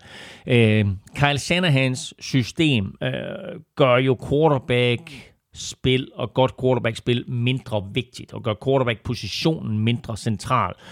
Øh, og kan 49ers på trods af farvel til de tre spillere, du nævner der på den offensive linje, øh, kan de øh, få løbeangrebet til at fungere, så gør det jo også øh, Trey Lances entré, øh, som starter ind i NFL, noget nemmere, kan få en, en, en blød start på karrieren. Øh, forsvaret er giftigt. Det kan vi ikke komme ud om. De har et par solide stjerner i alle tre geleder. Øh, nu venter vi så i spænding på alle sammen, hvad der kommer til at ske med Jimmy Garoppolo. Øh, det er fint at have en øh, god backup, men ikke til øh, 26 millioner dollars. Og øh, Fort Liners kunne nok have slået til øh, tidligere, da de blev tilbudt øh, et andet runde pick. Øh, eller hvad de nu blev tilbudt. Øh, men øh, men nu, nu har de ham, og så må vi se, om han ender et andet sted inden sæsonen. Men forløbet der er han altså øh, hos Fort Liners. Øh, nu joker du, det ved jeg godt, var for lave. Mm. Plads 13 er faktisk meget lavt i forhold til mange andre power rankings. Mm. Hvordan, hvordan ser du dem? Jeg synes, det er meget svært. Altså, øh, jeg synes, altså, den offensive linje er jo et kæmpe spørgsmålstegn. Uh, Trey Lance er et kæmpe spørgsmålstegn. Mm. Altså, på trods af, at uh, de træningssessioner og det, jeg har set af videoklip, altså, der ser han god ud. Men okay, det er jo heller ikke i, i kampsituationen. Ja, lige præcis. Ja. Det er ikke kampsituationen nu, så, så, så, nu får vi se. Men altså, du har jo aldrig sådan været den helt store fan af Jimmy Garoppolo. Mm. Og så har jeg det sådan lidt uh, sådan, jamen altså, hvis du tror endnu mindre på Trey Lance, end du har troet mm. på Jimmy Garoppolo, ja. altså, så ser det skidt ud, ikke? Jo, jo, bortset fra, som jeg siger, altså quarterback har jo vist sig ikke at være nødvendigt for, for Niners succes. Nej, bortset fra, ja. bortset fra, at Carl Shanahans system er jo sådan, det kan godt være, at du ikke skal opfinde så meget selv som quarterback, ja, ja. men du skal gøre, som han siger. Ja, præcis, og, og du skal trods alt ramme de kaster, ja. nu ligger i bogen. Ikke? Alt, alt er timing. Ja. Ikke? Og øh, altså, hey, hvis, hvis uh, Garoppolo, han, han rammer det dybe kast til sidst i Super Bowl for to år siden, ikke, så vinder for Niners. Ja. Så har vi øh, Eagles, øh, der er nummer øh, 12 på listen, og Eagles ligger altså tre placeringer bedre end divisionsrivalerne fra Cowboys. A.J. Brown gør med det samme Eagles farligere på angrebet. Så er det spændende at se, hvordan øh, Jalen Hurts udnytter det øh, våben. Og på forsvaret, der fandt øh, Eagles et par gode spillere i draften, der potentielt kan gøre en forskel allerede i år. Defensive tackle Jordan Davis og de to linebackers, Kobe Dean og Kyron Johnson. Øh, og alt i alt øh, helt, helt overordnet Elming, så må jeg bare sige, at Eagles har haft en rigtig god offseason. Ja, jeg er ikke sikker på, at nogen klub havde en bedre offseason end Eagles. Øh, I sidste uge der havde dem godt nok to år efter box i NFC, men altså alt i alt, der har Eagles haft fire fantastiske måneder, hvor de øh, har gjort både Øh, angrebet bedre og gjort forsvaret bedre, øh, og endda også gjort klar til, øh, til 2023. Um, A.J. Brown, receiveren, er selvfølgelig den helt store tilføjelse. Han blev super giftig sammen med Devontae Smith. Uh, på forsvaret der er Hassan Reddick kommet til fra Panthers, og så er kæmpemanden Jordan Davis jo kommet til via draften. Uh, kommer til der fra, fra college-holdet Georgia og bliver jo sjov at se i, i NFL. Uh, cornerback James Bradbury faldt lige ned i skødet på dem i forrige uge. Ikke? Uh, så alt i alt er det her nok det mest forbedrede hold, øh, i hvert fald det mest forbedrede hold i NFC East øh, og et af de mest forbedrede hold i NFC, men altså, øh, det, det, det, det kunne være nok til at vinde øh, divisionen og overtage, hvad skal vi sige, kronen der i NFC East fra, fra Dallas Cowboys. Det kommer lidt an på Jalen Hurts. Øhm, men øh, de er i min power ranking her det bedst placerede hold fra NFC East-divisionen. Så øh, jeg, jeg ser dem som, øh, som favoritter til at, til at vinde divisionen og komme i playoffs. Nu nærmer vi os øh, top 10, og her på 11. pladsen, der kommer så det første hold fra AFC Vest, altså top 11 har vi alle hold fra AFC Vest. Øh, det første af slagsen er altså Raiders, øh, de kan gå hen og blive øh, rigtig interessant at følge i år, ikke mindst på angrebet, der jo ikke ligefrem er blevet mindre farligt med signingen af Davante Adams, som jo allerede kender Derek Carr fra deres college-tid. Og så bliver det altså bare brandhammerende spændende at se, hvilken linje, som den nye head coach Josh McDaniels, han kommer til at lægge. Ja, og du, du siger det jo fuldstændig. Vi har lige gjort NFC East færdig, og nu kommer vi til det første hold i AFC West. Uh, altså, det er jo en helt vanvittig oprustning, der har været i gang i, i, i hele AFC West. Altså, Chiefs har været duks i i, lang tid. Uh, og måske det eneste hold, der ikke sådan er blevet markant bedre, og måske endda er blevet lidt ringere, mens de andre tre jo har gjort, hvad de kunne for øh, på, på en eller anden måde at, at, at komme op på niveau øh, med, med Chiefs. Ikke? Øh, Raiders har hentet forstærkninger både til forsvaret og til angrebet. Chandler Jones skal give noget pass rush, og altså sammen med Max Crosby, der kommer han jo til at udgøre en, en øh, vild duo. Ikke? og så kommer der var til Adams ind på receiver, øh, var jo sådan set den første af de her kæmpe store receiverstjerner, som, som skiftede klub, og så faldt de jo ellers sådan hak i hak, ikke? No. Øh, og, og kontrakterne lige så fik Tyreek Hill en stor kontrakt, og nu altså også uh, Cooper Cup en stor kontrakt, selvfølgelig uden at skifte klub. Uh, og han bliver så, som du også siger, genforenet med sin gamle college buddy Derek Carr, som mens vi glæder os til at se Kyler Murray og Marquise Brown sammen ikke, i, i Cardinals, så glæder vi os også lidt til at se, hvad Derek Carr og, og der var til Adams kan sammen. Og så var der jo alt det her virak med Packers, ikke? Altså, øh, var, der, var, der noget, var der noget bagl med, med Devante Adams og, og Aaron Rodgers, altså hvorfor blev han ikke deroppe og sådan noget, ikke? jeg kunne ikke helt finde ud af det. Så så jeg et billede her i weekenden, af at uh, Aaron Rodgers han var i Las Vegas, og han var ude at spille golf med der var til Adams. Mm. Så jeg tror ikke, de er uvenner. Nej. altså, jeg tror, de er fine venner. Og så i øvrigt, i øvrigt, så du den kommentar, der var til Adams, han kom med om Jordan Love.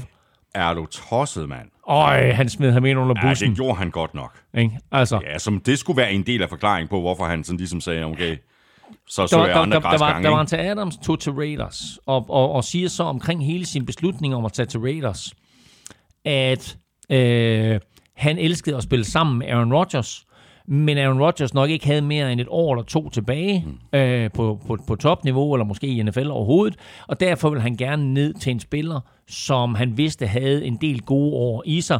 Øh, ikke et ondt ord om Jordan jeg kan ikke huske, hvordan han formulerede det, men ikke et ondt ord om Jordan Love, men han er ikke på det niveau, fik han sagt. Eller mm, ikke, ja, præcis. Og jeg var bare sådan, holy crap. Og det var sådan lidt mellem linjerne, ikke? Ja, præcis. Man... Og det er faktisk underspillet, vi i virkeligheden gør det værre. Ja, præcis. Og, altså, der, jeg prøver at skjule, hvad jeg virkelig mener. Ja, det var, det, det, det var altså en ordentlig sviner, han fik sendt afsted ja, til Jordan Love. Nå, det har ikke noget med det her at gøre, men uh, der var en til Adams i hvert fald i, i, i Raiders nu. Uh, den største udfordring for Raiders, synes jeg jo, er den offensive linje, som jo var kanon god for et par år siden, men som Joe Gruden og Mike Mayer jo på en eller anden måde øh, fik smadret. Målbevidst.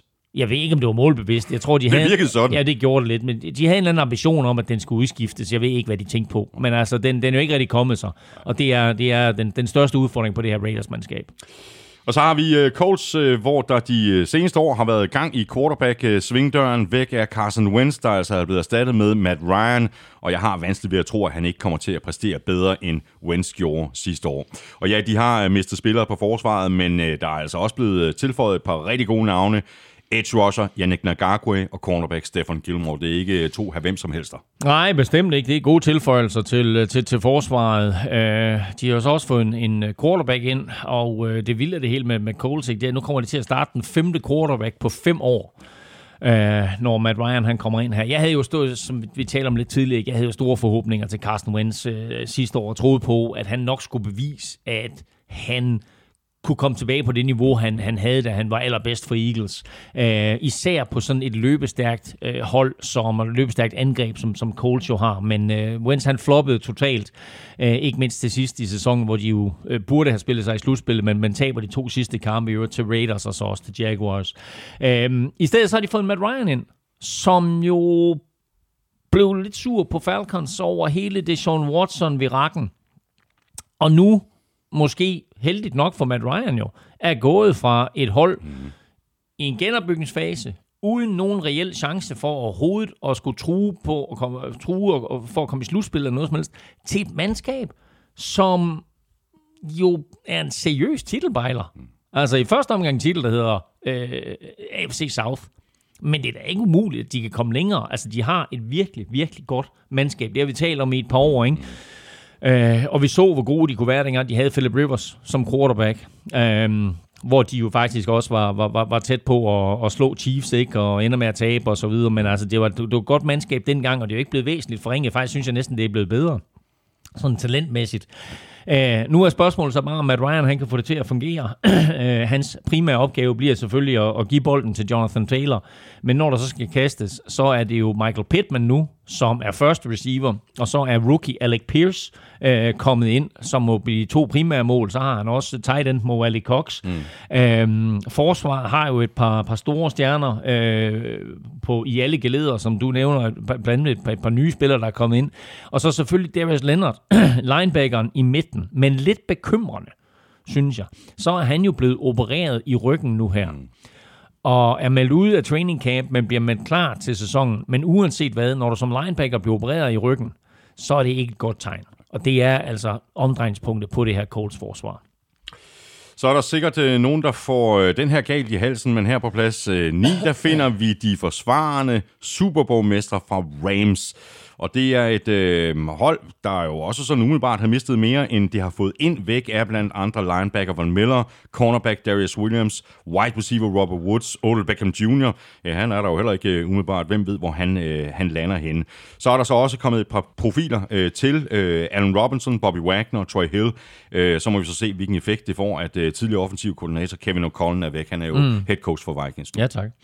Um, og som du siger, ja, der, det kan godt være, der nogen, der lige fik øh, morgenkaffe kaffen galt i halsen, eller hvornår man nu lytter til det her program. Altså, de forsvarende Super Bowl-mestre ligger kun nummer 9. Er det for lavt? Ja, det kan kun Rams jo besvare, men inden man begynder at brokke sig alt for meget, så tænk på, at inden Rams de gik amok og, og endte med at vinde alle kampe i slutspillet, inklusive Super Bowl, så var de altså kun fjerde seed mm. øh, i NFC, og selvfølgelig toppede de uh, sent på sæsonen, men det var så også efter, at de hævde Von Miller ind, og efter de hævde Odell Beckham Jr. ind, og der er ikke nogen af dem, der er i klubben længere. De har så fået Bobby Wagner ind, hvilket er en kæmpe tilføjelse. De har også fået Allen Robinson ind, og øh, ham glæder jeg mig til at se sammen med quarterback Matthew Stafford. Men ellers så kan jeg godt være lidt i tvivl, om Rams kan bygge videre på succesen. Øh, de har bevist, at deres tilgang fungerer. Det så vi sidste år. Øh, eller så vi i februar. Øh, nu er spørgsmålet så, om tilgangen er holdbar. Mm. Fordi øh, man kan sige, de har brugt øh, deres draft picks på at hive etablerede stjerner ind. De har givet dem en masse penge. På et eller andet tidspunkt, der kommer der en regning, og spørgsmålet er, om den kommer allerede i år. NFC West er som helhed øh, ikke blevet meget bedre. Øh, så lige nu, der ligger Rams stadigvæk placeret som det bedste af de fire hold på min power ranking. Men forløbigt, der ligger Super Bowl-mesterne altså kun nummer 9, og jeg vil sige, Seattle Seahawks er ikke en trussel. 49ers kan godt være det. Cardinals, igen, som jeg gennemgik, da vi havde dem dernede på plads 17, jeg er lidt i tvivl om dem, men altså får det det hele øh, konstrueret, så har vi set, at de kan spille lige op med Rams. Så har vi Ravens på 8. pladsen, og det er et øh, hold, der i den grad har haft en øh, god offseason, både draft og free agency. Lamar Jackson er så måske den eneste, der godt kunne have tænkt sig et, øh, et våben eller to mere. Nu krydser de så øh, alt, hvad de overhovedet kan krydse i Baltimore for, at, øh, at de ikke bliver lige så hårdt ramt af skader som sidste år, fordi det endte med at blive sådan øh, lidt op ad bakke sidst på sæsonen. Men øh, hvis det ikke havde været for John Harbaugh, så var det gået endnu værre. Ja, det var det. Øh, og det er også lidt vildt at tænke på, ikke? At, at Ravens jo førte hele AFC sidste år. De var 7-2 efter ni kampe, ikke? Øh, og så var det ligesom om, at, at de løb tør for spillere. Øh, de blev ramt af skader allerede inden sæsonen, og, og det fortsatte igennem sæsonen. Var det, var det ikke 90 spillere, eller noget i den retning, de nåede op på at bruge i løbet af en sæson, ikke? Altså, hvilket er fuldstændig vanvittigt. De mistede deres, øh, alle deres tre startende running backs mistede de preseason, de mistede også deres, deres to Pro Bowl cornerbacks. Øh, nu kommer de alle tilbage. Uh, I hvert fald dem, som de har valgt at, at, at skrive kontrakt med, eller fortsætte kontrakten med. Uh, og så er der kommet et par fine tilføjelser i free agency, og så havde de jo en vanvittig god draft, så det er jo nærmest et uh, helt nyt hold i forhold til... Uh, til, til, til sidste års mandskab. Ikke? Altså øh, et, et mandskab, der jo sluttede sæsonen 8 og 9 efter, at de var 7 og 2.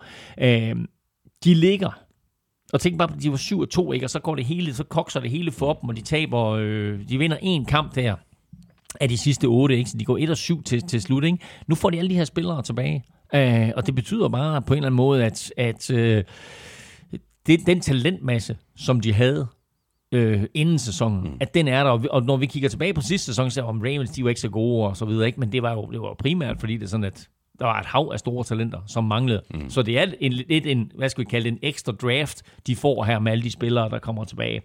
Øhm, AFC North er jo en, en sådan lidt mærkelig division, ikke? Altså Browns ved vi som sagt ikke, hvor vi har henne. Steelers har fået en ny quarterback, og Bengals, altså Bengals, er forsvarende AFC-mestre og var i Super Bowl, ikke?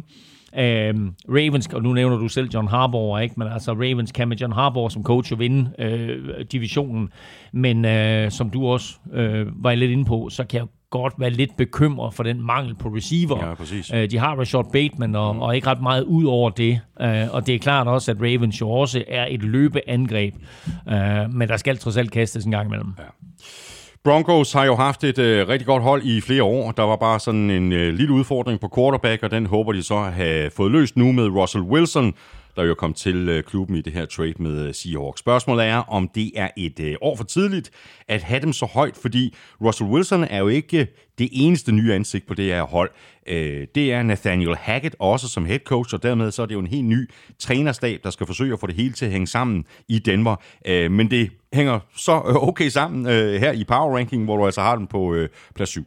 Ja, og den nye trænerstab bespurgt til det her med salget af Broncos. Og øh, der havde øh, de fleste journalister, de stiller sådan et spørgsmål der, så forventer de jo en eller anden form for øh, glæde, og en eller anden, ej, jeg vi glæder os, det er mega fedt, at de kommer ind, og der kommer til at bla bla bla. Nathaniel Hackett, der han sagde, mit job, det er at vinde fodboldkamp. Yeah. Mit job, det er at skrue truppen sammen. Mit job, det er at sørge for, at vi har 46 mand på kamp, der ikke? Eller, exactly. øh, og så det, det, det, den, den fik de ikke. Men øh, jeg tror også, altså, sådan overordnet set, så er det lidt lige meget øh, for, for træneren, hvem der egentlig ejer holdet. Det vigtigste, det er, at der bliver betalt løn, og der er nogle spillere øh, at arbejde med, og den vigtigste spiller, der kommer ind, det er selvfølgelig Russell Wilson. Øh, en anden lille ting fra, fra Denverland, det er, at med den her meget, meget rige familie i ryggen, så er der altså rygter om, at øh, der kommer til at blive bygget et nyt stadion. Det bliver formodentlig fuldstændig samme sted. Man tager ikke stadion væk fra Mile High, men øh, øh, der er altså en, en eller anden form for, for snak om, at nu skal der bygges et nyt stadion i Denver. Men Denver kiggede jo lidt på Rams, øh, og så, øh, hvordan de hentede Matthew Stafford ind sidste år, og gik fra øh, outsider til Super Bowl master. Øh, vi har jo i flere år talt om, hvor talentfuldt et mandskab Broncos har, ikke mindst på forsvaret, og at de manglede en franchise quarterback. Så efter sådan flere forsøg på at finde en i draften, øh, så bed de det sure æble og lavede en monster trade for Russell Wilson. Øh, han kommer ind i en god situation med en øh, fornuftig O-line, masser af våben, øh, to alsidige running backs øh, og et forsvar, der var godt i forvejen, og så lige fik et par fine tilføjelser i free agency. Øh, jeg lægger dem her på syv fordi jeg godt vil se Russell Wilson i sine nye omgivelser, og så vil jeg godt se forsvaret spille lige op med at op for øh, hold som Chiefs og Chargers. Øh, kan de det, så bevæger de selvfølgelig ind i top 5. Packers øh, finder vi her på øh, 6. pladsen. Packers har siddet på AFC North de seneste år, og nu må vi så se, øh, hvordan angrebet kommer til at se ud uden Davante Adams. Men øh, der er der ro på i forhold til Aaron Rodgers, ikke mere snak om, at han vil væk. Øh, til gengæld så er han blevet en meget rig mand, og andet rundevalget Christian Watson har potentialet til at kunne blive rigtig god, og forsvaret fik også øh, tilført nye kræfter i draften med de to øh, første rundevalg, linebacker Quay Walker og defensive end Devonta Wyatt. Ja, og det allervigtigste det er, at Packers stadig har Aaron Rodgers, fordi han vinder vel sagtens øh, 5-6 kampe på egen hånd, øh, og så skal resten af truppen jo bare sørge for at vinde 5-6 kampe og så napper Packers øh, uh, NFC North igen. Uh, men det bliver altså lidt interessant at se, hvordan Christian Watson og alle de her nye receiver, de kommer til at fungere, og hvordan Aaron Rodgers klarer sig uden uh, Davante Adams uh, og de andre, uh, som jo er smuttet også. Uh, vi taler altid meget om, om kemi og om, om øh, forståelse for hinanden, og det er jo noget, som man kun opnår øh, ved at træne og spille meget sammen. Øh, den er jo helt væk, øh, fordi alle de spillere, som, som øh, Aaron Rodgers jo har opbygget noget kemi med, de alle sammen er væk.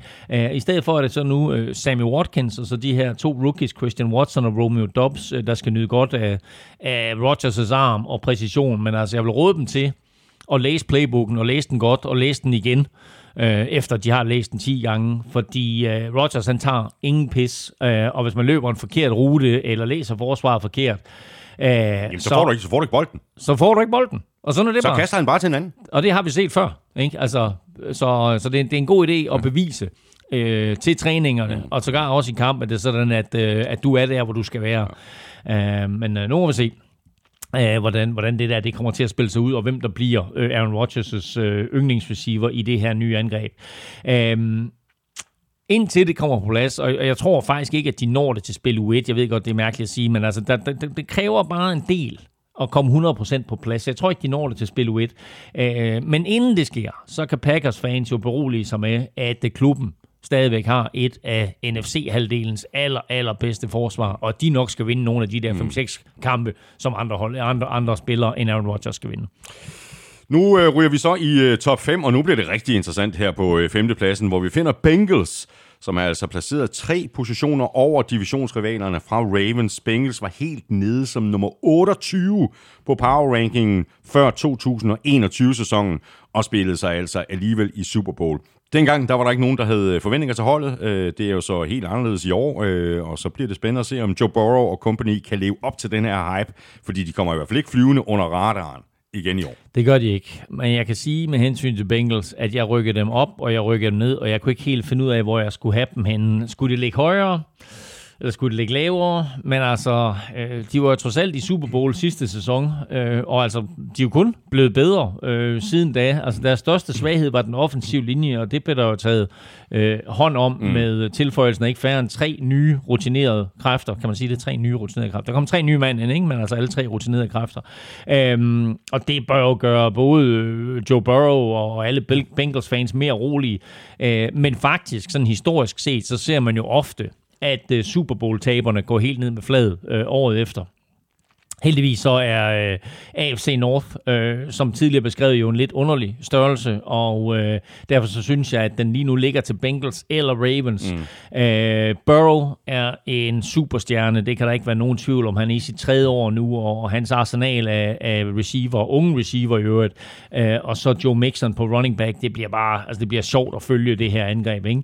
Øh, Hayden Hurst er kommet til. Jeg glæder mig til at se ham øh, på tight end. Øh, Bengals havde i øvrigt seks picks i draften, og brugte de fem på forsvar. Øh, og hvis bare et par stykker af dem kan udvikle sig til faste starter i år, så er Bengals altså lige pludselig et powerhouse, både offensivt og defensivt, som man skal regne med.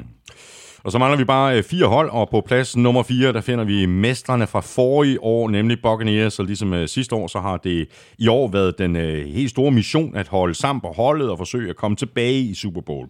Brady droppet pensionen og tager i hvert fald et år mere, og det ændrer jo ligesom en hel del, fordi det kan godt være, at han er gammel, men han er ikke fed og færdig, og lurer mig, om ikke også øh, Gronkowski øh, vender retur. Øh, Spændende at se, om, om der kommer nogle ændringer på banen, efter Todd Bowles jo har overtaget fra Bruce Arians. Mm, og jeg, jeg tror, at jeg i de sidste fem år har sagt, at nu er Tom Brady færdig.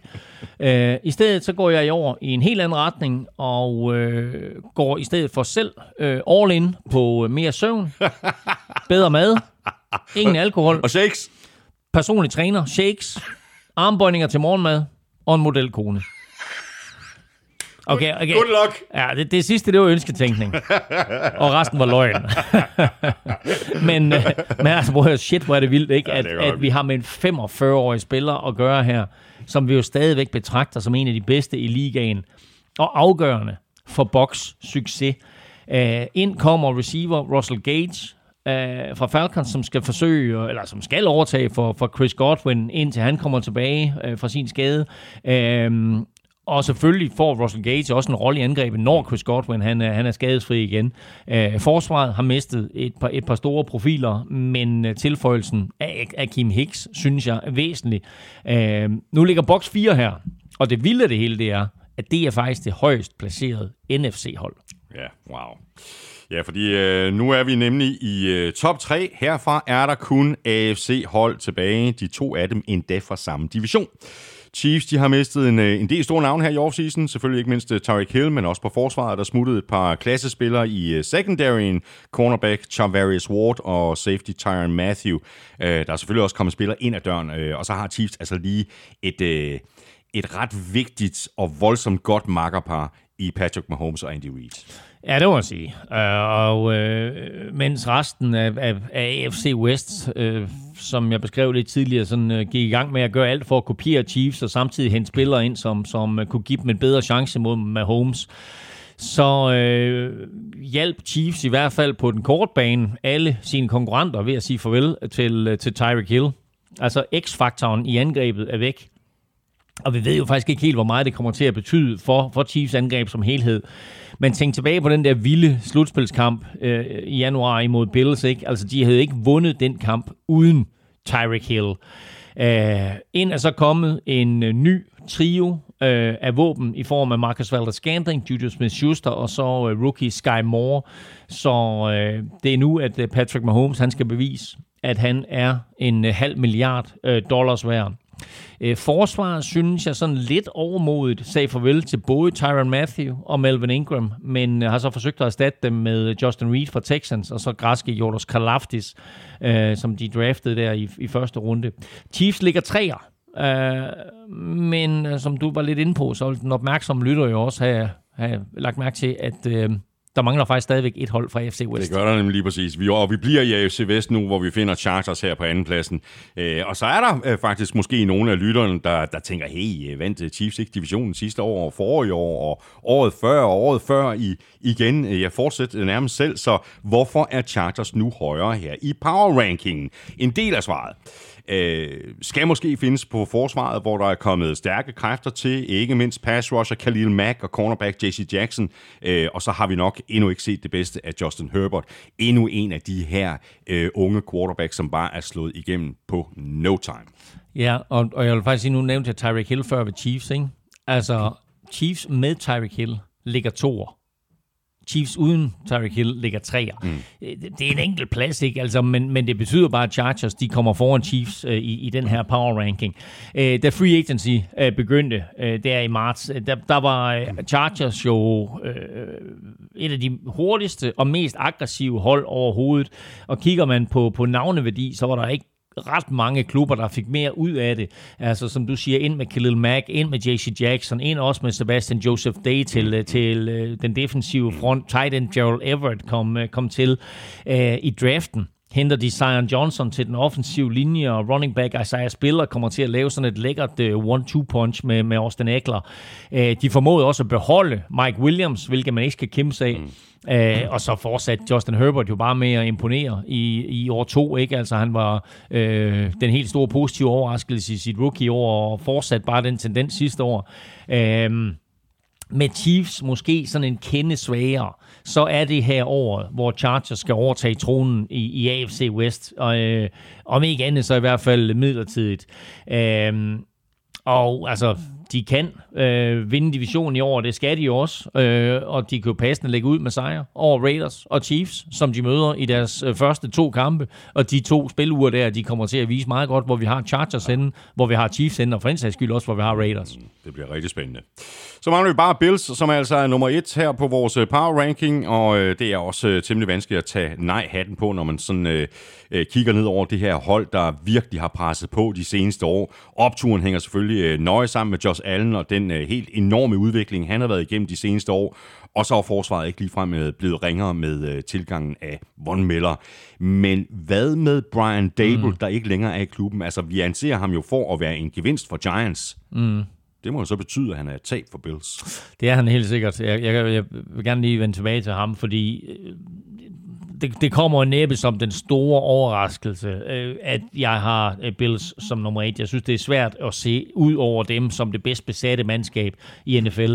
Og helt ærligt, så var det jo en katastrofe, den måde, deres sæson sluttede på sidste år. Øh, de var jo ret beset det bedste hold i NFL øh, sidste år, og ført mod Chiefs i slutspillet med 13 sekunder tilbage og alligevel går den kamp i overtime, og de taber i, øh, i, i overtime. Øh, ikke blot gør den kamp jo formodentlig stadigvæk ondt, den har jo også fået NFL til at ændre sine overtidsregler øh, i slutspillet.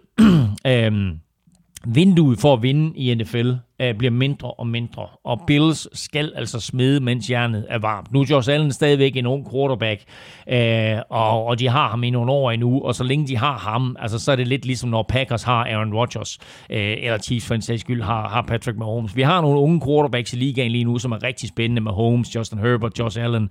Der har vi et par gamle drenge, ikke? Altså selvfølgelig, som stadigvæk får det til at fungere i form af af Tom Brady, Aaron Rodgers, til dels Matt Ryan. Men altså, de skal smide nu her, fordi de har et godt mandskab, de har Josh Allen i, i, i topform, øh, de har våben til ham, og de har et forsvar, der kan vinde kampe, og som du siger, lige fik tilføjet Von Miller. Og så må vi se, hvad det betyder for Josh Allen og Bills angreb i det hele taget, at Brian Dable, han ikke længere er i klubben. Men lige nu og her, der er Bills nummer et på min power ranking, og i år skal være at de vinder Super Bowl for første gang. Det var altså det. Det var power rankingen, og som jeg sagde i begyndelsen af udsendelsen, så laver vi en frisk power ranking igen umiddelbart før sæsonstart. Og, øh, og det må altså betyde, at det bliver i begyndelsen af, af september. Nu skal du lige høre her, Alming. Det her, det er også lyden af power. Det er nemlig lyden af The Lawnmower, som er en del af Manscapes Performance Package 4.0. Og hvis man så skulle lave sådan en power ranking over trimmer, øh, der er sådan er specielt lavet til men's grooming, så har jeg faktisk svært ved at se, hvilket apparat, der skulle ligge bedre placeret end The Lawnmower. Det er i hvert fald et øh, vanvittigt solidt øh, produkt, øh, som Thomas, du sætter mig altid i en kæmpe krise her. Du sætter mig altid i en kæmpe krise. En, en kattepine. jeg ved ikke, om det er en kattepine. Men øh, nej, men det lawnmower øh, er, jo, er, jo, er jo fint, fordi øh, alle de der klubber der, som nu har nogle fine græsplæner, der skal fikses, ikke? At dem, der har AstroTurf, de er jo fuldstændig lige meget, eller kun, kunstunderlag, de er jo fuldstændig ligeglade. Men øh, alle os, der har øh, normale underlag, øh, vi, vi er meget glade for The Lawnmower. det er jo nemlig lige præcis. Jeg ved faktisk ikke, om den her Performance Package 4.0 for Manscaped øh, som The Lawnmower altså er en, er en del af, topper salgslisterne rundt om i verden. Øh, det må være tæt på, fordi øh, der er nemlig solgt øh, langt over 4 millioner af slagsen. Det kan man sådan set godt forstå, fordi den øh, virker til øh, perfektion. Du kan tage den med under bruseren, den er vandtæt, der er lys i den, så du kan se, hvad du laver. Øh, så har den også det her keramiske barberblad, der reducerer øh, risikoen for rifter. Og udover The Lawnmower, så indeholder Performance Package 4.0 også The Weed Wagger, som du kan bruge til at fjerne hår i næsen eller ørerne. Den er også rigtig god. Derudover så er der en øh, Crop Preserver, en Team deodorant med i pakken. Der er også en Crop Reviver opfrisker og et uh, sæt Performance Boxer Shorts. Og hvis du skal ud og rejse, eller bare gerne vil uh, opbevare det hele pænt og ordentligt, så følger der altså også en rigtig fin uh, toilettaske med i uh, købet. Du kan tjekke det hele ud på manscape.com, og endnu smartere, så kan du øh, gå direkte til det europæiske site på eu.manscape.com. Du får 20% i rabat og gratis fragt, hvis du bruger vores kode NFL-showet ved øh, checkout. Ryk på det og gør dine kugler en kæmpe tjeneste. Vi skal have quizzen! Åh. Oh. Det er tid til quiz, quiz, quiz, quiz, quiz. Det er nemlig blevet øh, tid til quiz, quiz, quiz, quiz, quiz. Nå, øh, dit spørgsmål til mig, Elming, lød... Øh, Der er to mandskaber, der er to mandskaber, der som har vundet, eller har tabt fire Super Bowls og ikke har vundet nogen. Der er til gengæld to mandskaber også, der har tabt fem Super Bowls. Yes, jeg er ret sikker på, at det ene, det er Denver Broncos. Okay. Øh, det må du gerne bede eller afkræfte, før jeg går videre i teksten. Det er fuldstændig korrekt. Nå, de, tak for det. De, har- de har spillet otte Super Bowls, har vundet de tre Sådan. og tabt de fem. Okay. De var jo faktisk også 0 og 4, ligesom uh, Bills, Ja, ja, ja, Bills og. Vikings. Ja, ja. Men så kom John Elway ind. This one's for John. Ja, og Bills, det var fire i træk, og de har altså kun tabt fire, eller hvad? Korrekt. Det var ellers et af mine bud. Øhm... Ja. Så er næste bud. øh, Jeg har, jeg har to hold. Øh, det ene, det er Cowboys, og det andet, det er Patriots. Ja. Der skal så vælge et af de to hold. Øh, Kan du, kan du sige, om jeg er på rette spor? En af dem er korrekt. Nå, en af dem er på... Nå, ja. fantastisk. Jamen, jeg tror faktisk, det er Patriots. Ja. Det var det så ikke, kan jeg høre. Øh, Jo, det er fuldstændig korrekt. Det Nå. er, det er Patriots. Uh, jeg kan lige sige her, at uh, altså, du, du ramte fuldstændig rigtigt. Broncos og Patriots, så det var meget, meget Og det er skarpt. næsten dem, der har tabt flest, er det ikke Patriots? Uh, jamen, altså, de har begge to tabt fem. Patriots, Okay, ja, eller, men- men de har været flest på- på Pa- Super Bowl, Ja, præcis. Ikke? Altså, uh, Broncos, eller Patriots har været i 11 Super Bowls, ikke? Uh, har vundet de 6 og Mm. har tabt de 5. Uh, Broncos har været i 8 Super Bowls, har vundet de 3 og tabt de 5. Og så er der så Vikings og Bills, der har været i 4 hver og tabt 4 hver. Uh, og så er der en hel stribe af hold, som, uh, som har tabt 3, men, uh, men også har vundet et par stykker. Uh, det eneste mandskab, som har været i 3 og tabt 3, hvem er det? Eagles?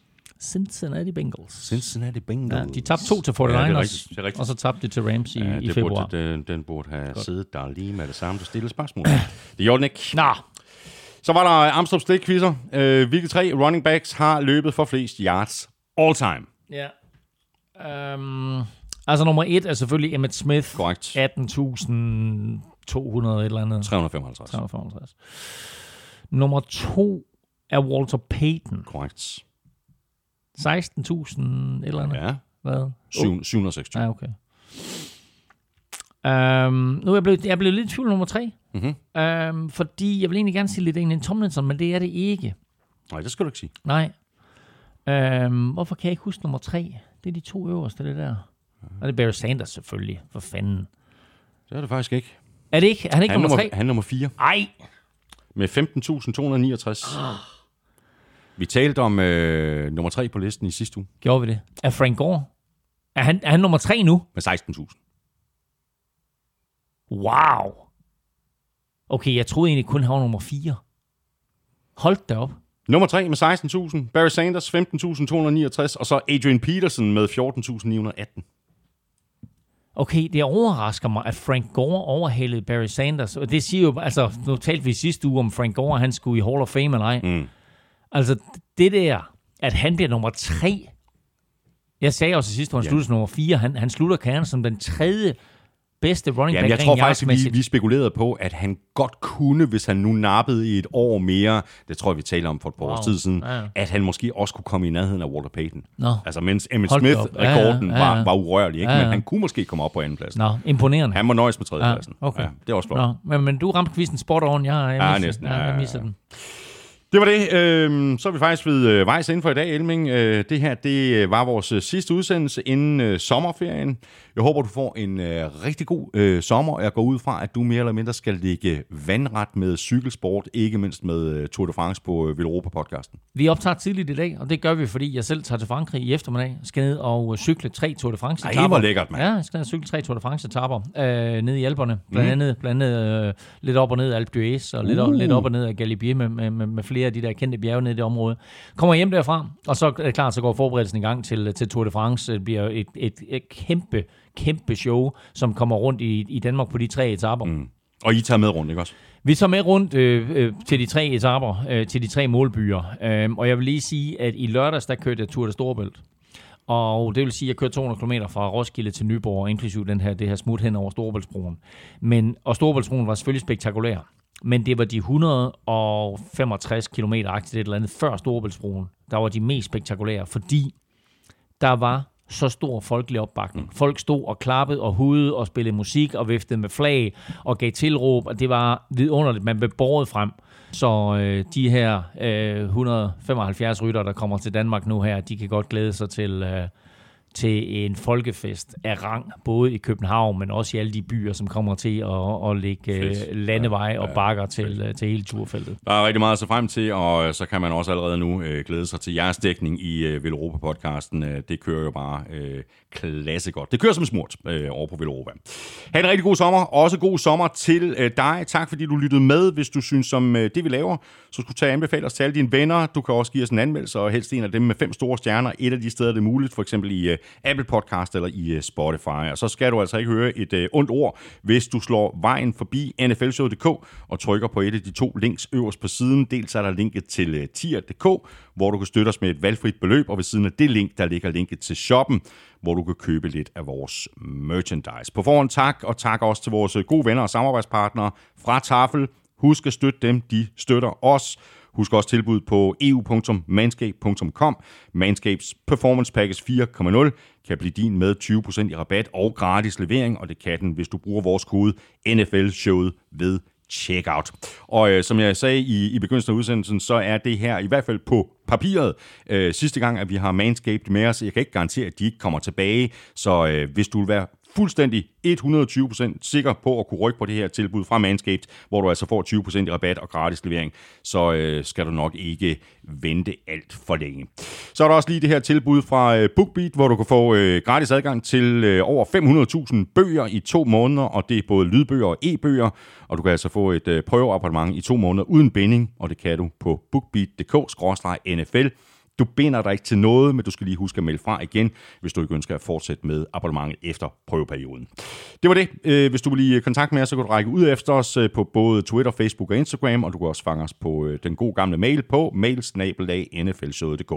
Følg Elming på Twitter på snabelag NFLming, mig kan du følge på snabelag Thomas Kortrup. Tak for i dag. Ha' en fantastisk sommer. NFL-showet er produceret af Kvartrup Media, der også producerer Born Unplugged, PL-showet og Golf-showet. PL-showet er gået på sommerferie og er først tilbage til august. Golf-showet lander hver tirsdag morgen, og Born Unplugged er klar i dine hovedtelefoner hver fredag. Husk også Velropa-podcasten, hvor Elming og kompagni har smurt kæderne. Og så er Elming og jeg ellers tilbage igen til august. Ha' det godt så længe. Hold os.